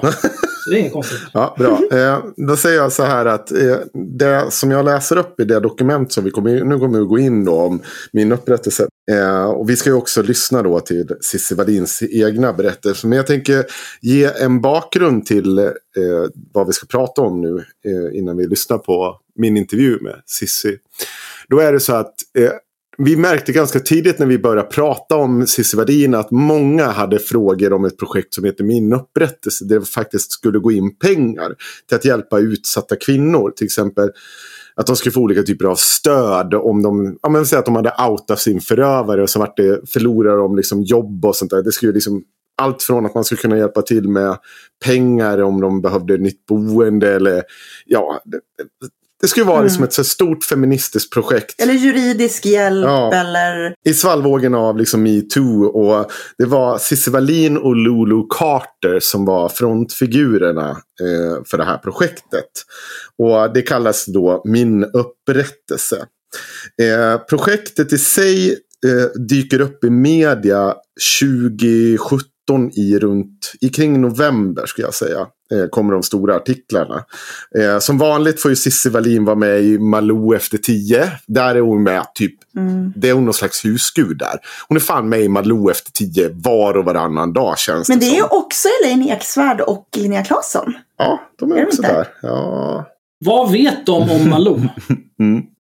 Vad har Malou gjort mm. som de här har luskat reda på och utpressar henne med? Malou kanske är klandervärd, det vet vi inte. Uh, ja. Mm. Jag ser fram emot det avsnittet. Mm. Men i november där eh, så, så drar det här projektet igång. Och får både liksom City Expressen, Aftonbladet, Malou efter tio Dagens Media, Fokus pratar om det. Det är mycket grejer. Jag kan säga att projektet i stort är egentligen gammal, samma grej som eh, Våga anmäl. Det är väldigt mm. re hashat, vi säger man väl så. Mm. Från liksom 2013 när hon gör det. Det mesta är... Det är bara en rebranding av samma koncept. I princip är det det. Fast den här gången får de också in pengar. Vid den här tidpunkten har Cissi Wallin en agent. Hon, kallas, eh, hon heter Elsim. Eh, kallar sig själv Superturken. Känner säkert många igen. Eh, Ja, det är hon som heter så. Jag har inte... Jag... Det, är väldigt ro, det, är, ja, det är ett väldigt roligt smeknamn. ja, det är kul. Eh, och Sissi kommer till Elsim och ber henne om eh, att, att hon ska starta ett konto. För det här är också typiskt Sissi. Alla hennes projekt är halvklara vid lansering. Så det finns alltså ingen förening i det här. Så de, de, om man bara går in på min upprättelse idag så ser man så här. Min upprättelse är en nystartad partipolitisk och religiöst obunden sajt och fond. Mm. Det är ingen jävla fond. Nej. Det är en ideell förening. Det är vad det är. Det, någon fond... Nystartad också, så den här är alltså inte uppdaterad på två år eller vad det är? Nej, nej det, det, det, det finns ingenting. Men i alla fall, eh, Elsim blir ombedd att skapa ett konto för att pengar skulle komma in då till det här projektet. Eh, och det kommer in pengar eh, till Elsim. Eh, totalt 66, 67 000 kan vi säga att det är. Avrunda uppåt. Eh, men det här projektet drar igång. Eh, de sitter i media som vanligt. Eh, Sissi sitter i media. Eh, alla andra gör jobbet i bakgrunden. Det kommer upp en sajt, det kommer upp eh, lite olika typer av filmer, YouTube-filmer, kan gå och se idag. Sajten är, det är bara att söka på min upprättelse. Make Equal är ju samarbetspartners också, ska vi komma ihåg till exempel. Ja, vi, vi, vi ska komma dit. Vi, vi mm. tar det lugnt nu. Eh, men någonting skär sig mellan Elsim och eh, Sissi. Elsim droppar Sissi eh, som ja, och har inte med henne att göra. Eh, och de går isär. Eh, då också finns ju pengarna kvar hos Elsim. Och pengarna ska då föras över till eh, min upprättelse. Men det finns ju fortfarande ingen förening. Så i december då bestämmer man att det ska, det ska snart komma en förening. Eh, och pengarna ska kunna föras över. De finns hos Elsim fortfarande. Men, men det kommer liksom aldrig någon förening. Och vi hör, när vi röjer runt i det här eh, liksom, eh, och börjar kolla efter vad, vad fan tog pengarna till min upprättelsevägen.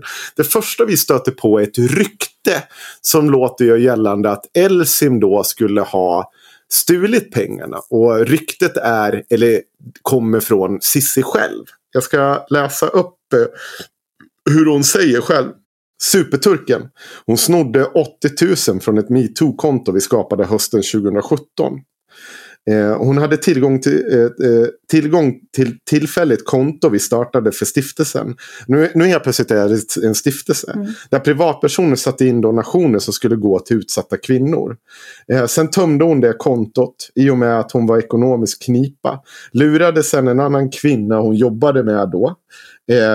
Karin eh, Adelsköld säger hon. På ett förskott på exakt samma summa som hon sa till Karin att jag är skyldig Sissi. Eh, och så liksom fortsätter hon att prata om det här då eh, och grejer. Och, eh, och då tänker jag liksom så här, men okej, okay, Elsim har pengarna till eh, min upprättelse. Så jag får ju kontakt med Elsim. Och Elsie blir ganska förvånad när hon får höra att Cissi har sagt att eh, hon har stulit 80 000. För... ja, för det, ja, det, det kan man tänka sig att man blir. Ja, det kan man. Jaha, kan man... har jag gjort det? Ja, ja. Så... Och framförallt så att Elsim var inte så dum eh, att hon inte lämnade ifrån sig de här pengarna utan att upprätta dokumentation som visade exakt vad som hade kommit in på kontot och exakt som vad som har gått ut. Intygat av bankman man.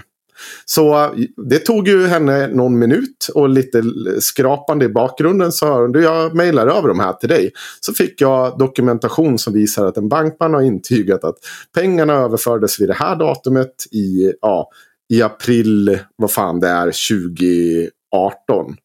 Eh, jag tror det är 20, 20 april 2018 så har 66 000 nu ska se exakta summan. 66 940 kronor gått över till föreningen Min Upprättelse. För då, x antal månader efter helt plötsligt, har ju då Cissi lyckats fått igång en förening till det här projektet.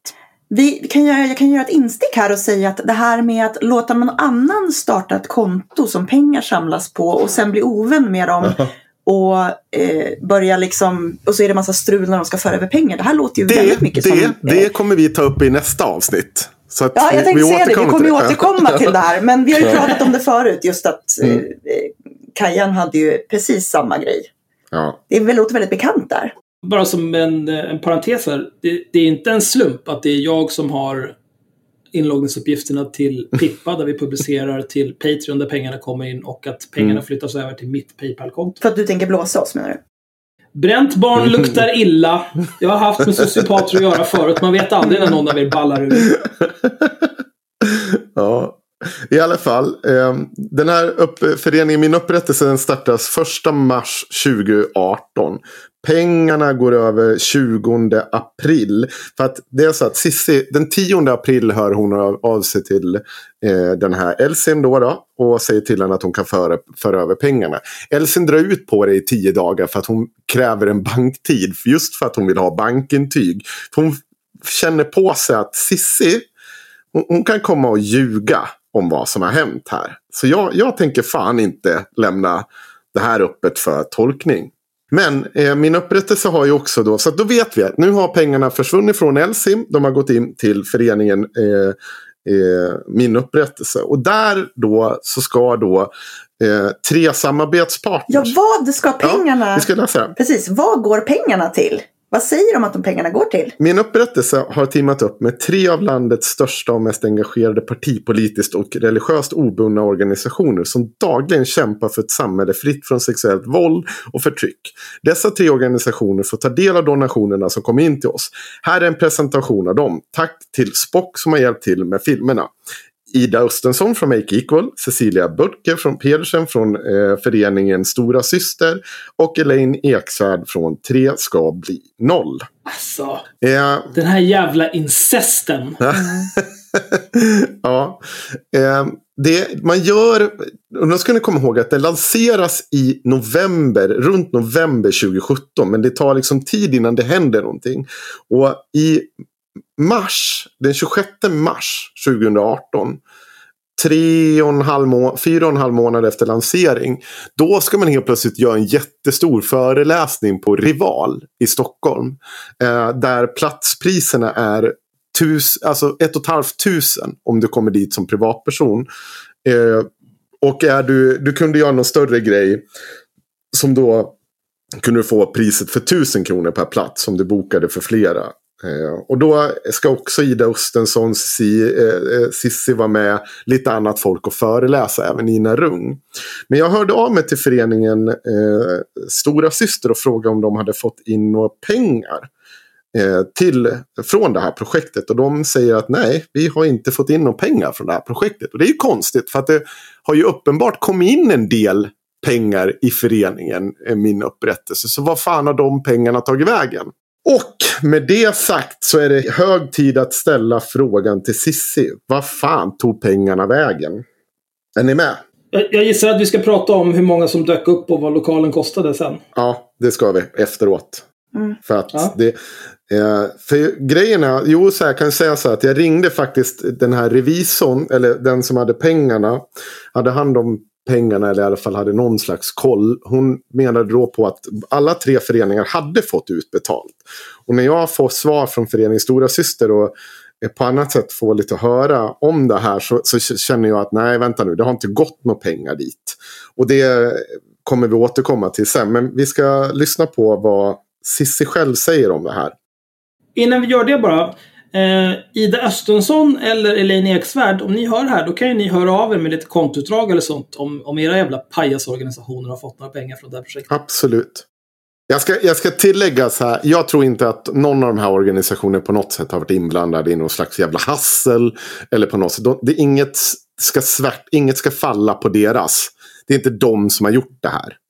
Ja, och det... Alltså, vi, vi gillar så här, ja, Elin Eksvärd och Make Equal är ju klandervärda på andra sätt som ja. jag har tagit upp. Men just i det här fallet så säger vi inte att de har gjort någonting fel. Nej, och det tycker jag att det är viktigt att poängtera. Framförallt också när föreningen Stora de har inte heller liksom, de har ju bara, eh, de beskrev det så här att de trodde att det här var ett projekt som dog ut. Och att de liksom aldrig hörde någonting av det igen. Och så tänkte jag liksom inte mer på det.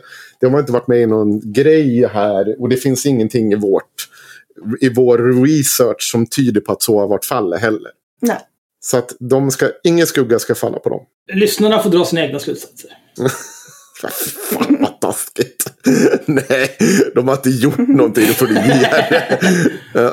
Nej, jag håller med. Men det är bara, jag, jag tycker så jävla illa om Elina Eksvärd och Ida Östensson. Mm. Ja, det är hyggligt.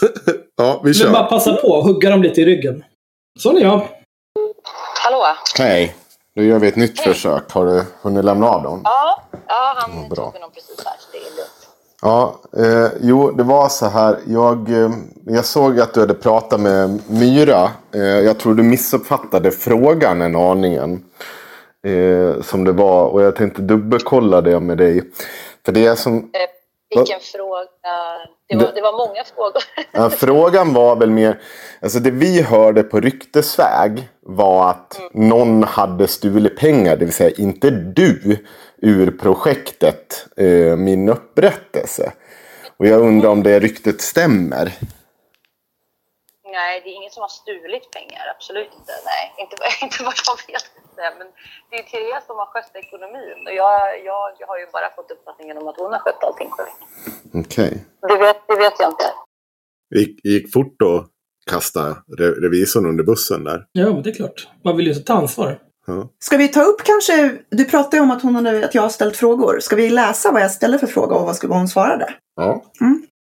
Det kanske är relevant tänker jag. För att det, frågan jag ställde eh, var så här och Eh, jag visste ju inte då att du hade faktiskt pratat med den här revisorn eh, när jag frågade henne. Så att jag frågade så här, eh, jag skrev så här. Tack för senast. Du, vi ska ju följa upp avsnittet om dig med lite reaktioner och så. Så jag undrar ett, om du har något du vill skicka med som jag ska ta upp, till exempel i relation till gardet. Det här har hon, hon har skickat en text som jag ska läsa sen innan vi slutar. Två, eh, min upprättelse. Finns det finns något snack om att någon blåst projektet på pengar och att det var därför det försvann eller liknande? Jag vet inte hur mycket skvaller det är så vill inte ta upp det alls i avsnittet på grund av minns inte ens varifrån det kommer. Vad hände där? Eh, då svarar Sissi Tack själv. Jag är mitt i ett dokumentärfilmande och snart även utomlands så hinner inte lägga mer tid på annat än det primärt. Men angående min upprättelse så vet ni redan svaret eftersom ni ringt upp vår kassör Therese och ställt frågor. Finns inga konstigheter där, som ni och med samtalet redan vet. Mm. Eh, och då svarar jag och säger att ja, det har, har vi, det visste jag inte. Jag har inte hört talas om det. Men då frågar jag Henk, för då har väl han koll på det om han har pratat med henne. Eh, men hon fortsätter ju och säger så här då. Eh, det enda med min upprättelse var att vi skapade en sajt, anordnade inspirationsdag med företag, men sen insåg att projektet var för tungrot för att driva vidare. Främst på grund av allt annat som hände folk personligen i och med metoo. Vad fiskas efter? Att det skulle ha försingrats pengar? Bara att fråga Therese om bokföringen slash kontoutdraget. Mm. Eh, och då frågar jag, så det var inget, jag, jag ville bara veta vad dramat handlar om. Nu stannar vi där. Nu säger vi inget mer. För att vi kommer ta upp mm. det. Vi kommer. Så nu, nu mm. stoppar vi och så lyssnar vi på Sissi. Mm. Det kommer ju från dig för att du påstår att, påstår att Elsim har stulit 80 000 ur projektet. Elsie, jaha, Elsim Yilmaz. Nej, hon har inte stulit några pengar i projektet så vitt jag vet. Det, det skulle vi väl ha märkt i så fall. Så det, det påstår nej. du. Du påstår att hon har stulit 80 000 kronor ur projektet. Jag har nog inte påstått att hon har stulit 80 000. Det har jag, det har jag svårt att tänka mig. Att Tycker jag du, ska jag citera vad du säger om Elsim? Alltså jag vet inte vem du har pratat med eh, eller vad... Nej, det är du. Vad... Det är du som säger. Hon snodde 80 000 kronor från ett metoo-konto vi skapade hösten 2017. Har jag vad har jag sagt någonstans? Du har sagt det. Ja, men vad, nej, vad har jag sagt det någonstans? Jag, kan, jag vet inte. Vad jag sitter med konversationen framför mig och läser den nu. Jaha, men vad är det för konversation? Ja, det är en konversation du har med ett gäng andra personer. Jaha, okej. Okay. Nej, hon har inte stulit 80 eh, 000 kronor ur... Eh, all, alla pengar som har funnits i min upprättelse är ju så att säga på rätt plats. Mm. Har de betalats ut till Make Equal, föreningens stora syster och Tre ska bli noll?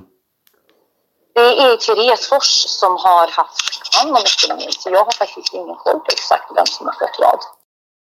In under bussen med det. In under bussen. In med det. Bara, ut, ut. Hugg i ryggen. Hugg. Ja. Nej, men jag tycker det är så konstigt det där. Även om det mm. är så att hon inte har någon koll. Det, det är liksom, hon framstår inte som i, i, i, bra dagar av det. Om hon är med i, i styrelsen för organisationer och liksom inte har någon koll på vad tiotusentals kronor har tagit vägen. Men även, minns ni vad Cissi sa när vi ställde frågor om eh, huruvida folk hade fått betalt för sitt arbete med gardet? Mm. Hon sa att jag hade inte koll på det där. Jag visste inte. Först så sa hon ju, hon sa emot sig själv där också. Att hon var inte ekonomiansvarig. Sa hon. Mm, hon började ju med att säga att, att nej men det är helt orimligt att de tyckte att de skulle få betalt i en ideell förening. Och sen så sa hon att jag visste ju inte att de hade betalat ut massa pengar till sig själva. Men de hade, och nu håller vi på att reda ut det här juridiskt typ. Um, och så ifrågasatte jag det och sa hur kan du sitta i en styrelse och inte ha koll på var pengarna går? Och då sa hon, jo alltså jag visste ju att de skulle få pengar. Eh, men, att, eh, men jag visste inte hur mycket. Vilket också var konstigt när hon började med att säga att ingen förväntade sig pengar för det var en ideell förening. Mm. Ja, hon håller på, men vi kommer fortsätta. Mm. Satt inte du i styrelsen men jag var inte ekonomiansvarig. Ja, men ekonomiansvarig, vet du, det är inte så det funkar riktigt. Styrelsen måste ju, precis som när vi pratade sist, så måste det finnas styrelseprotokoll om pengar ska betalas ut. Notera det, för nu, nu, så här, nu håller hon på. Förra gången också, då säger hon så här att ja, men vi, vi, vi måste, det måste finnas ett styrelsebeslut om att betala ut pengarna. Nu helt plötsligt, nu, nu kan någon tydligen flytta undan pengarna och hon kan svära sig fri från ansvar. Det behövs inget liksom, protokoll på det. Det är klart att hon som styrelseledamot måste ha koll på det här. Det är, hon beter sig som att om det finns en ekonomiansvarig då behöver inte styrelsen tänka eller godkänna någonting. Det är bullshit. Hon vrider och vänder på det utefter den situation hon sitter i. I det här fallet så vill vi veta vad pengarna har tagit vägen. Då vet hon ingenting. I det andra fallet då vill hon anklaga de andra och då vet hon ingenting men hon avkräver dem att det ska ha funnits styrelsebeslut på det. Men nu när det är hon själv som ligger pyrt till, då behövs det ingen styrelsebeslut. Då, då är det, ja, men det är en ekonomiansvarig. Det är bara, låt det vara så. Eh, även något eh, i det här fallet att hon, eh, alltså när hon pratar om det här att jo men vi hade en ekonomiansvarig och jag, jag hade inte riktigt koll på det där. Det här skulle ju vara ett rimligare argument om hon hade suttit liksom på ett multinationellt företag där styrelsen, så jättestor, på Röda Korset där styrelsen består av 300 miljarder personer och det är jättemycket olika konton hit och dit. Vi pratar mm. alltså om att det var typ max fem personer inblandade. Mm. Det var tre som satt i styrelsen. Hon, eh, ja. Sissi eh, och två till i den här Det är ju lite svårt att missa saker då liksom. För att det inte är ens område. Men ja. Jag är inget styrelseproffs. Vi kör vidare. Mm. Då, då, då, finns det ju ett styrelsebeslut på det. Och då frågar jag, finns det ett styrelsebeslut på att betala ut pengarna till tre ska bli noll, eh, föreningens stora syster och Make Equal? Ja, det här är ju två år sedan så jag har inget minne vad vi har sagt på något styrelsemöte om exakt. Eh, jag har inte de här protokollen framför mig heller så jag kan inte svara på det. Men det blir jättekonstigt för igår när du pratade med Myra så sa du att det Therese uppgav till mig och det var vad Therese också uppgav till mig att ni hade betalat ut pengarna till de här tre organisationerna. Och det sa du till Myra att det var korrekt uppgett. Men när jag, jag, litar, jag, jag litar ju på Therese eftersom hon var ansvarig. Under bussen, under bussen, under bussen! Du är ansvarig när du sitter i styrelsen. Du borde ju ha koll på ekonomin om du sitter med i en ideell förening och en styrelse. Nej, så funkar det inte alltid. Utan hon var kassör eller ekonomiansvarig eller vad, nu, Menar, vad man nu vill och hon, hon har ansvar för ekonomin. Så att eh, jag kan inte svara på detaljer, för det var hon som skötte det. Jag har litat på att hon har gjort det hon ska. Okej. Okay. Har du någonsin kontrollerat att Therese har gjort det hon skulle göra? Har ni via styrelsen på något sätt i föreningen Min upprättelse kontrollerat att pengarna har gått dit de ska? Alltså jag, jag kan säga så här att om man, om man jobbar ideellt och har en ideell styrelse då är ju donationer man får in mm. att man har en vision av att nu ska ni eh, tre organisationer till exempel få så här eller ni ska få en del av eh, intäkterna vi får in. Det beror helt på vad man får in och hur det i så fall ska fördelas. Så det är diskussioner man får ha med varje enskild organisation. Och hur mycket som har betalats ut till vem, det har inte jag koll på. För det är hon som hade ansvar för det. Jag hade ansvar över annat. Styrelsen har ansvar för att ha koll ja. på hur pengarna används. Och det är ingenting ja, du kan ifrågasätta efter? Du är ute efter att det ska ha försvunnit pengar som har hamnat på villovägar. Jag är lite intresserad av vad de här pengarna har tagit vägen. Ni påstår att de har skickats till de här tre föreningarna. När jag frågar föreningen Stora Syster om de har fått några pengar så svarar de nej. Och då blir jag nyfiken. En nyfiken. Nyfiken ja. Eftersom jag har sett att pengar har förts över till föreningen eh, för min upprättelse att jag har sett att 66 000 kronor har förts över till er förening. Men sen verkar de putsväck. Ja, det är ju inte de här organisationerna ni har uppgivit. Jag rekommenderar, nej jag förstår, jag förstår att du undrar det och det eh, är helt eh, rimligt att kolla upp det. Men jag föreslår att du pratar med Therese så kan hon skicka dig kontoutdrag. Det är väl det, det, det vore toppen. Då kommer jag hänvisa till det. Men jag kan bara hänvisa till att det är hon som har haft eh, kontroll över det. Hon är ju, eh, hon har ju det, den kunskapen som, och det ansvars, hade det ansvarsområdet. Så jag, det är jättebra att prata med henne. Ja, men det ska, det ska jag absolut göra. Allt underlag i så fall. En annan fråga där. När ni gjorde den här stora halvdagsutbildningen eh, den 26 mars 2018.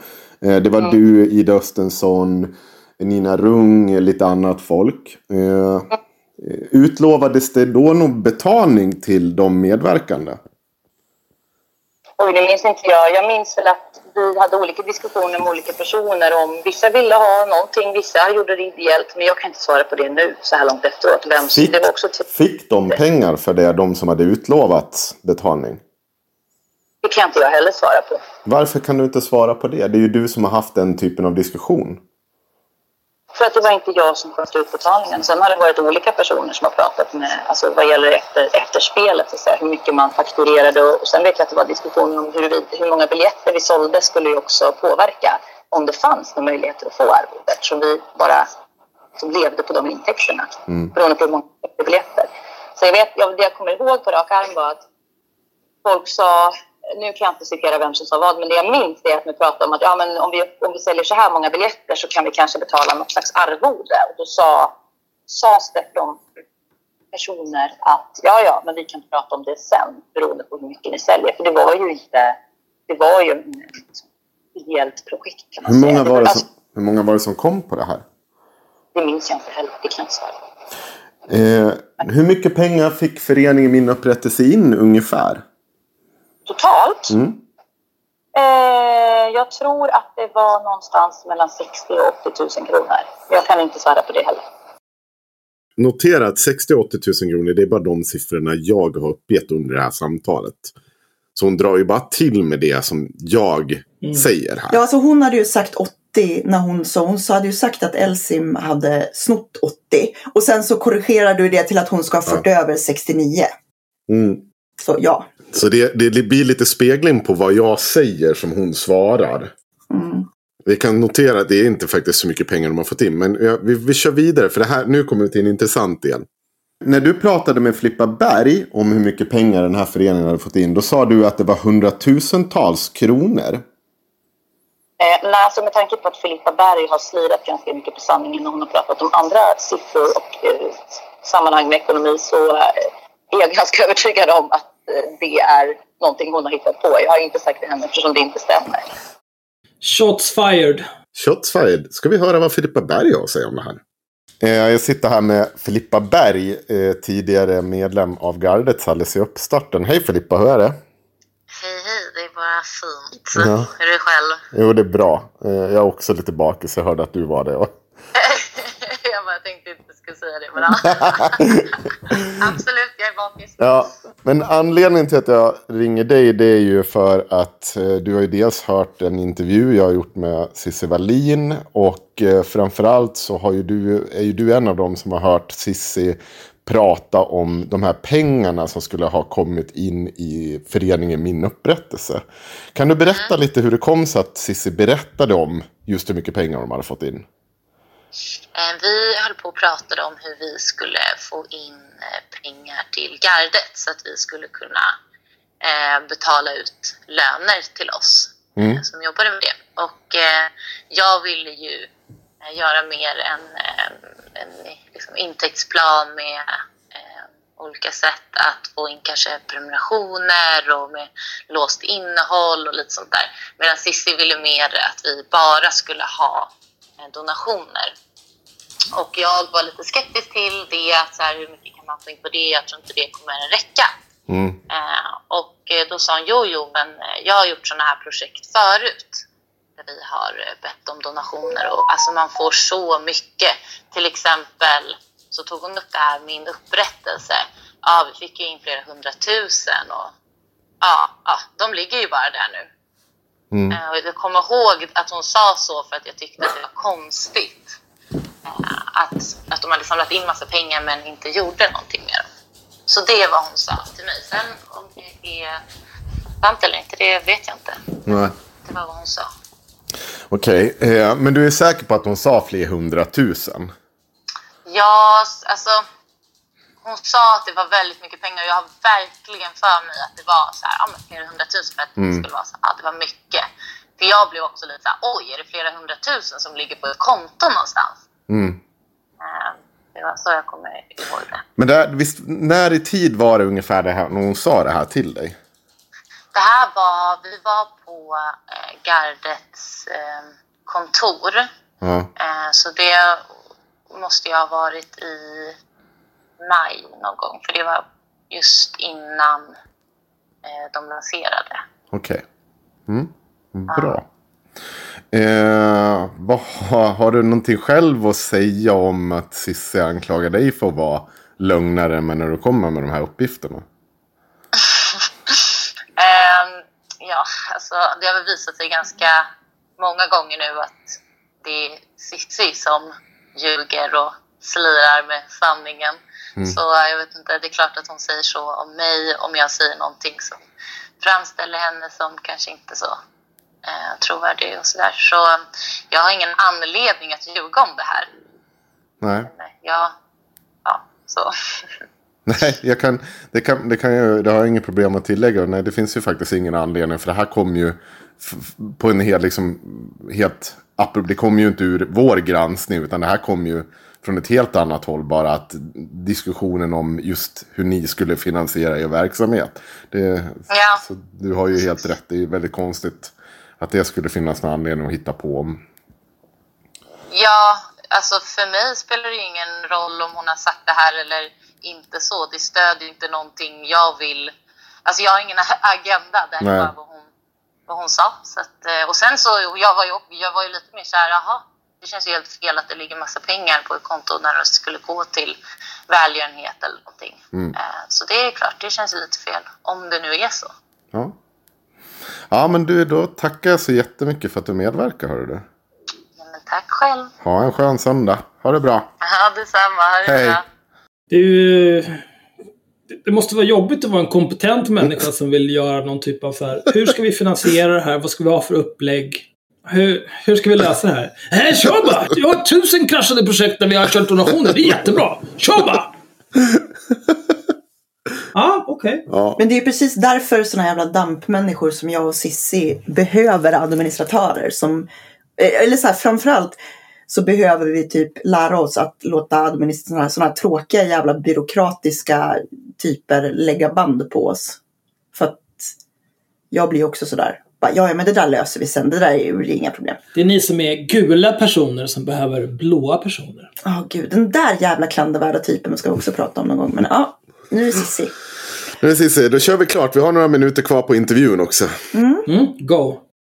På tal om att slira på sanningen. När du medverkade i Haveristerna påstod du att du hade eh, kollektivavtal med dina nannys. Och att du bara hade en nanny.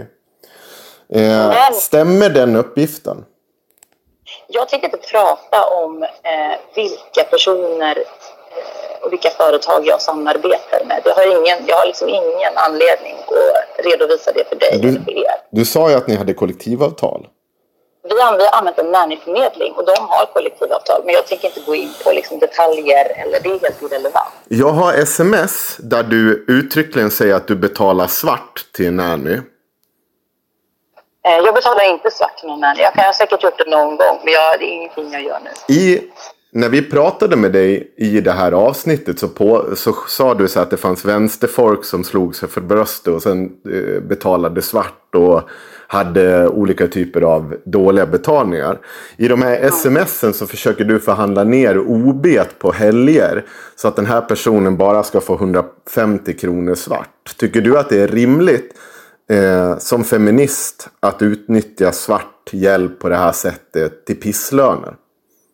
Jag vet inte vem du har pratat med så jag har ingen aning om vad det handlar om. så du, du vet ingenting om att du har betalat svart till Eh, jag har absolut betalat enskilda personer svart eh, för eh, förr och Va? enstaka gånger. Varför ljög du om det när vi pratade och konfronterade dig om de här uppgifterna i haveristerna? Jag har inte ljugit om någonting. Du sa, att du, du sa att du betalade vitt och att de hade kollektivavtal och du sa att du inte hade två ja, de, de, ja, de jag anlitar nu, absolut. Men vänta nu, sa hon inte dessutom att hon inte hade koll på nannys därför att det var hennes man som skötte det där? Jo, det sa hon. Mm. det är hon som har gjort alla efterlysningar. Det är hon som har skött stora delen av betalningen och allt. Ja. Ja, ja oavsett så vi har, har ju sms-konversationer där det är både mellan Sissi och Nannyn och mellan Linus och mm. Nanny. Så de är ju klandervärda båda två i just det här avseendet. Olika nannys också, ska vi säga. Och det är snällt att de delar, de delar upp även nannysarna. Vem som tar, du tar hand om nanny nummer ett, så tar jag hand om nanny nummer två. Här delar vi på hushållsarbetet, kära Linus. Det där jävla svin! Fy fan. Ja, ja du, du, kan påstå vad du vill. Jag tänker inte sitta liksom och redovisa någon historik, för det här bevisar ingenting. Alla människor... Mina sms, det bevisar ingenting. Nej. Nej, absolut. Nej, att, att det finns sms-konversationer som visar att du klart och tydligt har ljugit. Nej. Det bevisar ingenting. Snälla. Det är, så, det är så dumt. Ja, vi kör. Alla människor eh, till och med högt uppsatta politiker har använt svart städhjälp eller svart barnvakt i Dallas med väldigt många. Det, det, det är fel och det ska man inte göra. Men av olika skäl så har människor gjort det. Jag har inte påstått att jag är bättre än någon annan. Jo, du, det har du visst det. Du påstår precis att du är bättre än flera andra i podden. Ja, det, det, är också så här, du sitter och säger det sitter vänstermänniskor och slår sig för bröstet så använder de svart städhjälp. Och så bara, ja men du har gjort det du. Nej, men jag påstår inte att jag är bättre än någon annan. Jo, jo, du, du gjorde verkligen det.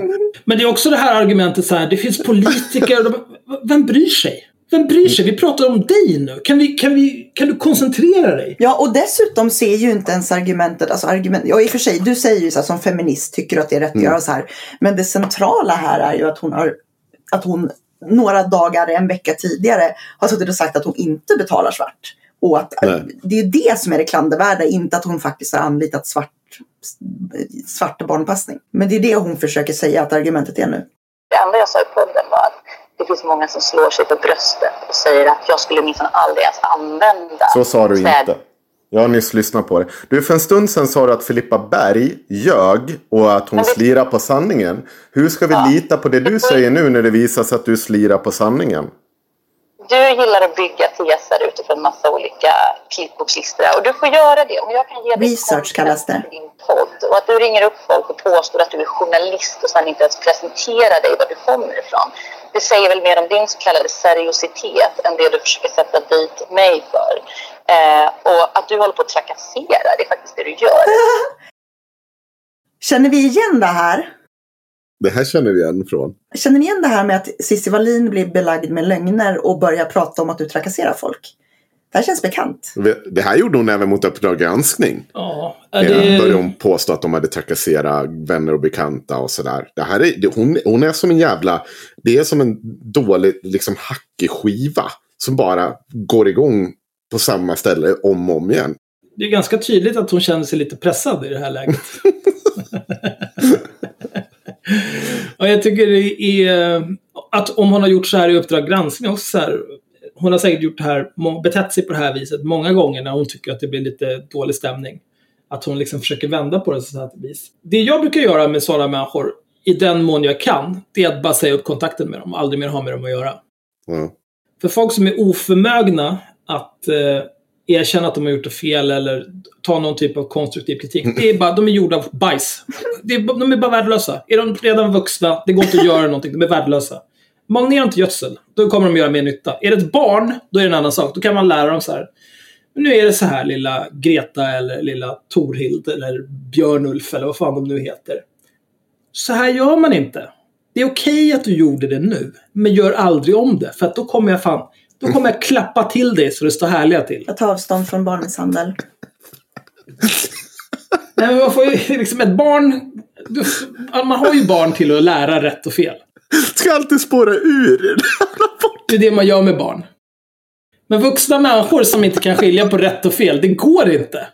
Och så det här löjliga med att ständigt skylla ifrån sig. Ja, nej, det är Filippa Berg som har gjort det här. Det är Filippa Berg. Filippa Berg. Det är hon, Therese var ju revisor där. Ja, du håller på och ringer och trakasserar och beter dig illa. Mm. Man skulle ju kunna säga att det här är rimliga rimlig kritik mot dig Henrik. Mm. Jag, jag, vet inte om jag håller med nödvändigtvis därför att man kan faktiskt vara frilansjournalist och då ringer man inte från någonstans. Utan då ringer man bara i egenskap av frilansjournalist. Eh, men eh, men vi, om, även om vi leker att det här är, liksom, hon får ha, kan ju ha den åsikten. Men det blir ju så uppenbart att hon bara tar upp det här för att så här, försöka på samma sätt som hon påstås, eh, eller ska ha hört av sig till folk och, och liksom pratat om att hon ska anmäla Natasha till SOS.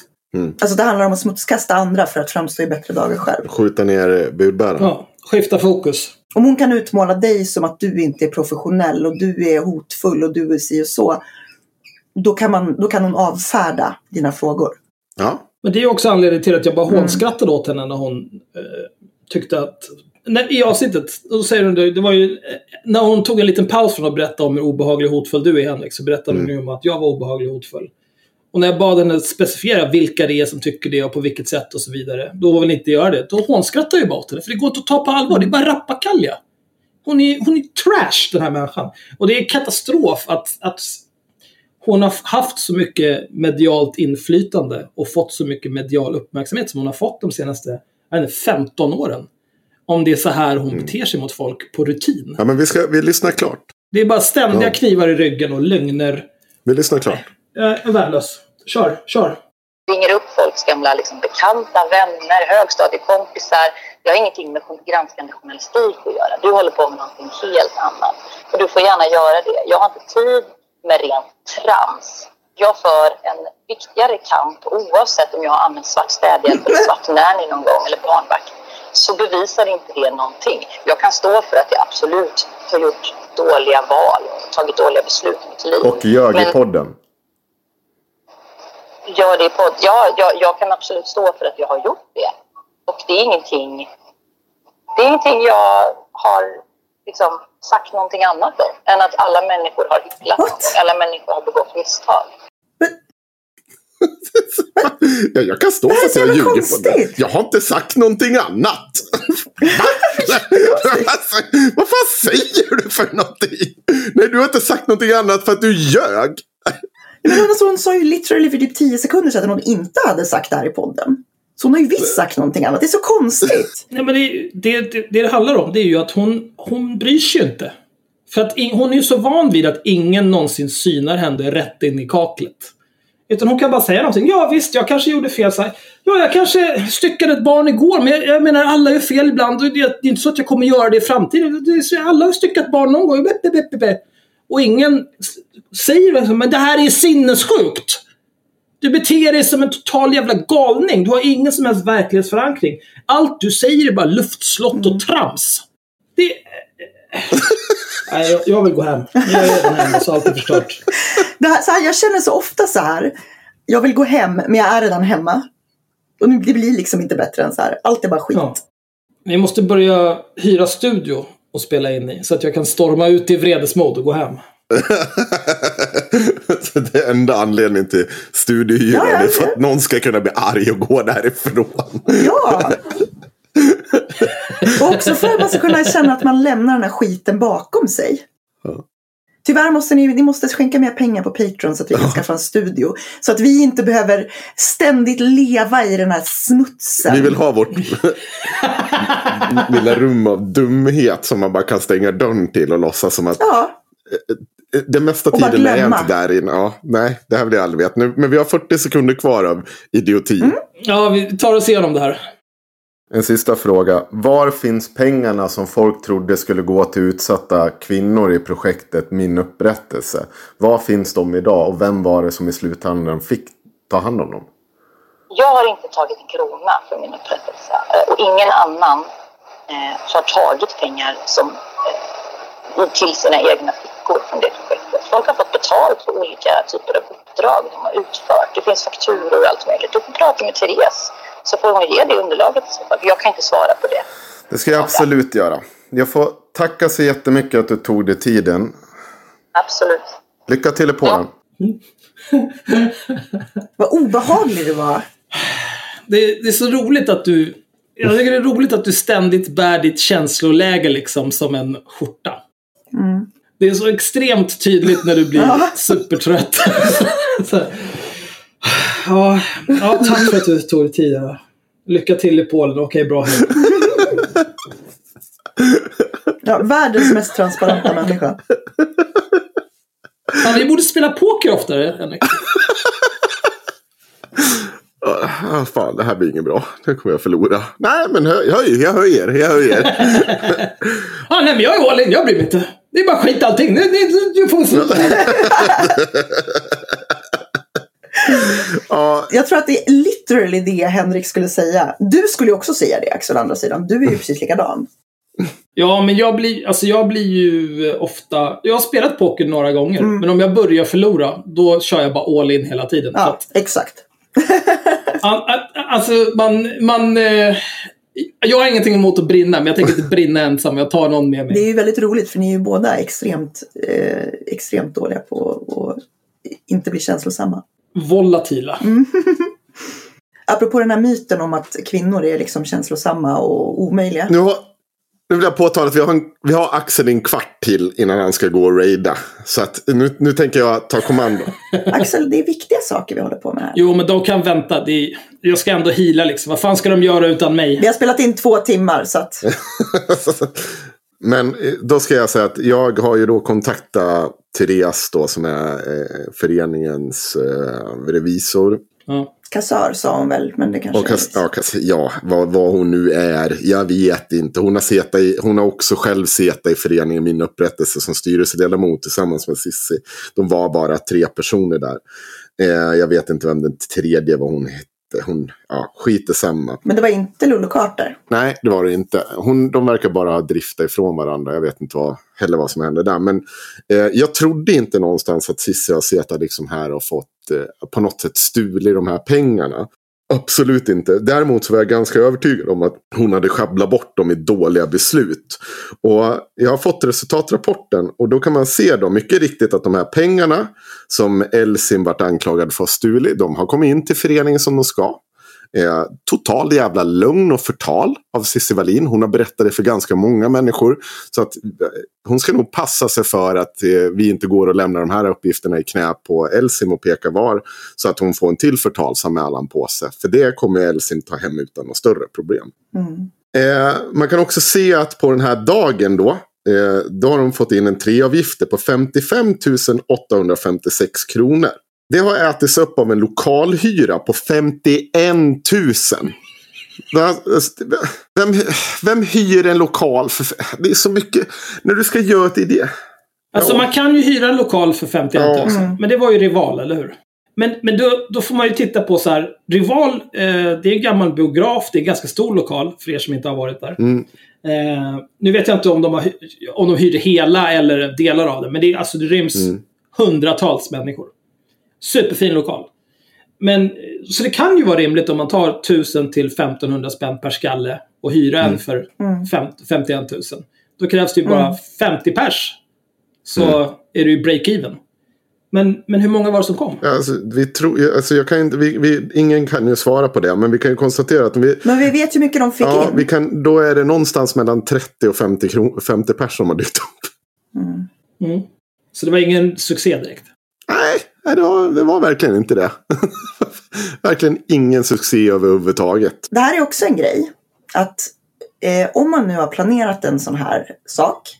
Jag har jobbat en del eh, typ med att arrangera musik och konserter och sån skit. Så jag har hållit på med sånt när man ska boka olika lokaler och så här, väga priser och så. Och då är grejen så här. Du gör ju en beräkning på hur många du tror kommer dyka upp. Mm. Eh, och de, de grejer jag har arrangerat, då har det ju varit så här öppet, alltså att man, man liksom, det är inte föranmälan. Men i det här fallet har det ju, eftersom det handlar om tusen kronor, det är ju inte så att de tar tusen kronor i dörren. Nej. Utan de har ju haft någon typ av föranmälan.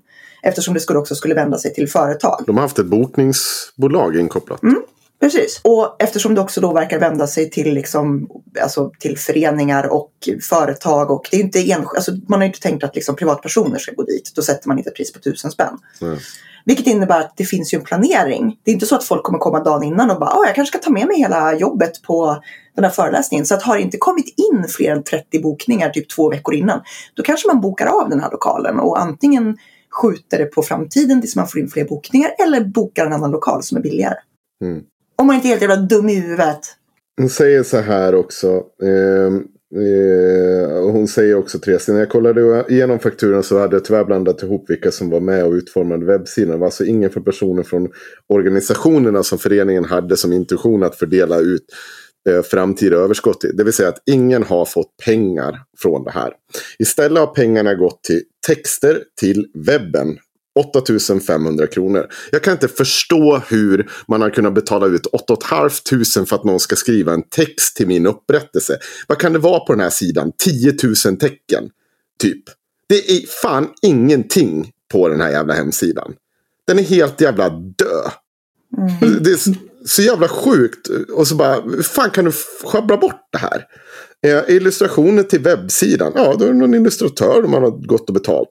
Utlägg, kostnad, hemsidan, domän etc. 7000 spänn. Arvode för uppbyggnad av webb webbsidan 20 000 kronor. Arvode och introduktion, eh, informationsfilmer till webbsidan var 25 000 spänn. Och det man kan konstatera att totalt har det kommit in 120 000 i projektet. Det man har lyckats fått i överskott är total, totalt 2 708 kronor. Och de, om de pengarna nu ska fördelas ut till de här tre organisationerna så kan man ju bara grattis. Ni fick nästan tusen spänn var. Mm. Av att Cissi Lin än en gång fick socialt kapital. Valsa runt i media och berätta att hon skulle hjälpa utsatta kvinnor. Resultatet är nada. Zip. Zero. Bullshit. Så alla som donerade pengar till det här i tron att det skulle gå till utsatta kvinnor. Det de egentligen har donerat till är en sajt som inte uppdaterades eh, inom ett par månader. Ja, precis. Och som har varit död sen efter, mm. Eh, så här säger hon. Föreningens syfte var som sagt att sprida information gällande sexuellt våld och sedan kunna ge vidare en del av donationerna till organisationer som redan idag gör ett fantastiskt arbete kring det. Tyvärr så var vi redan efter vår första informationsdag på Rival av privata skäl tvungna att lägga ner arbetet med föreningen. Så att det har funnits där så att man skulle kunna skicka pengar till de här i över ett jävla år och de säger ingenting om att det här händer ingenting med den här sidan. Den ligger kvar där. Du kan kasta in pengar till oss om du vill. Vår förening finns kvar. De har stängt den eller någonting. Jag testade att göra en överföring och mycket riktigt jag kunde göra en överföring. Mm. Det är pengar som går i sjön. För att Cissi inte gör sitt jävla jobb. Så det kan ligga hur mycket som helst på ett konto? Där? Ja, nej, ja, det kan det. Jag tror inte att det gör. Hon har ju tagit ut från Fort Knox nu. Ja, visserligen från förra året. Men det är väl för att det inte finns någonting i år. Det, ja, men visst, det skulle teoretiskt kunna göra det. Jag har inget belägg för att så är fallet. Men det var säkert en trevlig fest på ja. rivalen. Då. Ja, det är det jag tror att det inte är. För det låter ju som att de har lagt jättemycket pengar på och liksom ska ta in tusen spänn. Det är ju ganska hög svansföring att som helt nystartad förening ta tusen spänn för att folk ska komma och lyssna på när du håller föreläsningar och grejer. Mm. Eh, även om de hade välrenommerade föreläsare. Det låter ju som att de har gjort det här och sen har det varit ett totalt fiasko och alla har blivit jävligt nedstämda av det och så har man bara gett upp. Ja, det... det är min killgissning. Men det där känns ju som ett genomgående tema, den här eh, fantasin om att man drar igång ett projekt och det kommer liksom bli det bästa sen mm. skivat smör omedelbart. Att man inte behöver lägga någon som helst tid på att arbeta in konceptet. Mm. Och... Du har inte ens en förening när det startas upp. Så att du ja. kan inte ens skänka pengar dit. På fyra månader. Ja, nej, men du har någon så här halvfärdig produkt. Ja. Rullar sakta ut den genom dörren och säger här, varsågoda, ge oss alla era pengar. Ja. Och folk står utanför och bara, vad, vad är det här för skit? Och sen går ja. de. Och sen går de, här, går de vidare till nästa projekt. Ja, och det och liksom så här, det, det är bra du säger det, liksom, att det är inte så att Cissi Wallin har skott sig på, på liksom, att hon har tagit och snott de här pengarna. Utan det är bara extremt dåligt skött. Liksom. Jo, hon har ju skott sig socialt kapital på det. För att hon har ju ja. fått fortsätta vara den här feministen som tar ställning för alla utsatta kvinnor. När det i slutändan är pengar som går rakt ut i sjön. Totalt har det kommit in 120 000 i det här projektet.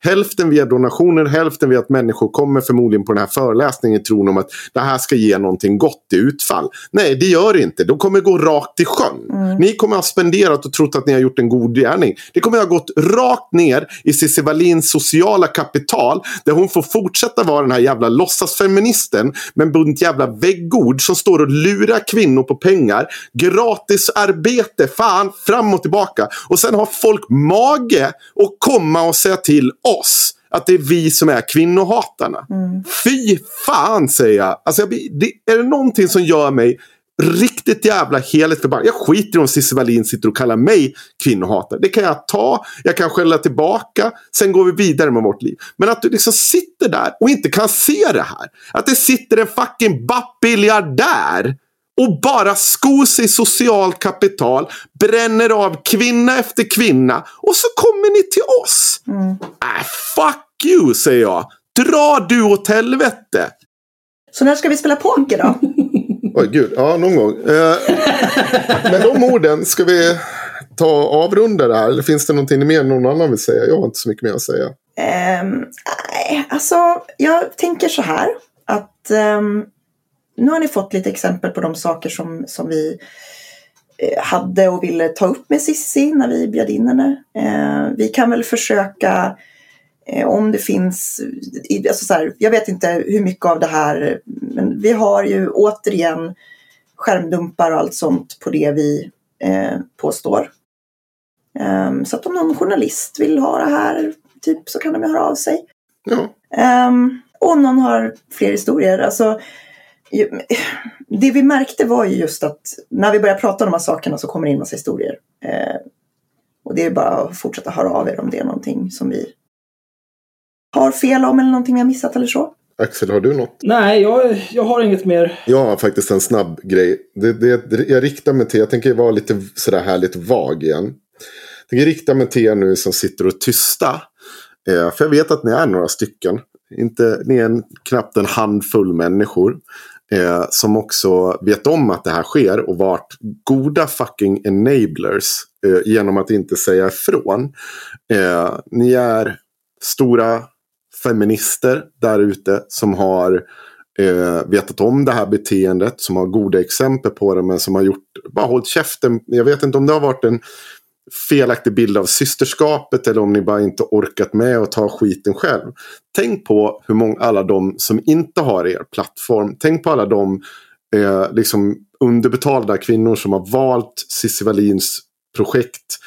Tänk på hon kvinnan som liksom gav upp ett ganska tråkigt jobb för att gå in och jobba gratis med Cissi Wallin. Som var totalt slutkörd av henne. Eh, totalt, ja, eh, mm. jag vet inte hur jag ska formulera det. Tänk på dem som inte har ert sociala kapital, som inte har era plattformar, som inte har era löner in i månaden. Ni kan ju börja fundera på det när ni fortsätter att sitta tysta när ni hör det här. Eh, det är kanske dags att ni också säger någonting och säger att det här är orimligt. Det är kanske dags att välja sida i den här konflikten. Ja, det är ju det är, det är mycket mer bekvämt att, eh, att inte säga emot oss. Mm. Eh, men samtidigt sitta och nicka instämmande när folk säger att vi är obehagliga kvinnohatare. Mm. Men man märker också väldigt tydligt vilka som är tysta just nu. Mm. Den som tiger samtycker. Mm. ja. Ja, jag vet inte. Så länge... Jag är egentligen nöjd så länge folk eh, begriper att Cissi Wallin är en jävla galning som man inte vill ha med att göra. Låt henne bara försvinna bort ut i intet så kan hon sitta där och torka sig i arslet med tusen lappar medan hennes nannys tar hand om alltihopa. Låt henne göra det. Fara omkring och spela in uh, dokumentärfilmer om kvinnor i Polen, whatever. Men så länge ingen köper in den här jävla skitfilmen och ger henne mer uppmärksamhet, för det ska hon inte ha. Hon ska ingenting ha. Nej, alltså det här blir ju lite samma som, eh, som lex Linnea Claesson där, alltså att det är ju inte bara så att personen vi granskar har betett sig klandervärt utan det, det, en del i det här klandervärda är ju hur andra som på olika sätt har kunnat eh, profitera på att Cissi Wallin inte, eller att, att Cissi Wallin får hålla på så här. Eh, människor som samarbetar med henne eh, och har en egen plattform. Typ de som du gjorde en call-out på nyss, Henrik, fast utan att säga någonting. Men, ehm, och att media hela tiden skriver om hennes projekt och på så sätt får det att framstå som att det här är superbra. På samma sätt som man lyfter fram Linnea Claessons historier och säger att det här är superbra. Eh, det, det, de är ju enablers eh, och skapar ju kanske till viss del också den här problematiken. Därför att det är klart att Cissi tror att hon kan bara hitta på vad fan som helst när hon gång på gång gör det här och media fortsätter att skriva om det på samma sätt. Hörrni, be patrons också framförallt. Ja, men be patrons. Säg inte att vi inte kommer med quality fucking content. Ja, bli patrons. Mm. Nu skiter vi i det här va? Eh, du måste svara på eh, någon psykolog här har skrivit till oss på Facebook om eh, det där vi gjorde om han, pajasen som var coach som mm. porrberoende och hej Hon tycker att vi har fel. Det, no, mm. no, du får läsa det där Henrik. Okej. Okay. Det där är ju faktiskt någonting... Eh, jag, jag, tyckte först att det var så trevligt att folk hör av sig. Men jag har börjat känna mer och mer att nej, nej, jag vill inte höra. Jag, jag, man vill ju gärna tro om sig själv så här, fan det är så, det är så skönt att få konstruktiv kritik och ris och ros och den här interaktionen. Så här. Nej, nej, nej, jag vill inte höra. Jag vill inte höra. Jag bryr mig inte. Jag tycker att det är jättekul att höra faktiskt. Så att vi är oense om det. Ja, jag, ja, jag kan säga så här. Vill ni ha min eh, interagera med mig på något sätt, då är det poänglöst att följa mig på Instagram, för där postar jag aldrig. Eh, på Facebook är jag alltid postblockad och jag har inte Twitter längre.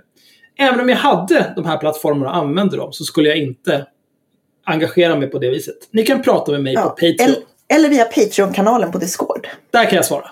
Alternativt så kan ni swisha mig. Mm. 10 kronor per meddelande. Skriv dina frågor i, swish, eh, i swishfältet. Det funkar. Jag kan säga 10 kronor per tecken. Mm. Oh, ja, nu får det räcka. Nu vill jag gå. Är, är det någon som har några avslutande ord? Nej, gud nej. Nu, nu, nu håller vi oss. Nu går vi bara. Patrons. Vi är ja, patrons. Perfekt. Eh, ja, nu har det blivit väldigt mycket vanliga avsnitt den senaste tiden. Det kommer säkert någonting eh, endast för de som är vänliga nog att donera snart. Men eh, som vi har pratat om tidigare, så sådana här saker kan man inte riktigt... Eh, det finns ett nyhetsvärde. Donationsvägga. Utan eh, det här gör vi, vi gör en samhällstjänst här. Både med det här och med vårt förra avsnitt om porrfri barndom och deras klandervärdhet. Eh, men däremot så kan, ni, kan vi också säga så här att eh, vi, eh, har ni förslag på saker ni skulle vilja se på Patreon eh, i och med att de här lite mer granskningsgrejerna vill vi gärna släppa publikt för att det finns ett, ett värde i det. Eh, men har ni förslag på sånt ni skulle vilja se på Patreon eller som ni absolut inte vill se på Patreon så kan ni väl höra av er, det som Axel älskar, eh, och tala om det för oss. Mm. Skicka ett sms till Myra. Ja, mitt nummer är inte listat så skicka inte till mig. Men... Eh, okay. Uh, ni, ni, löser det där. Ni, ni är så klipska och duktiga. Wow. Ja. De av er som donerar i alla fall. Okej, bra. Tack. Hej.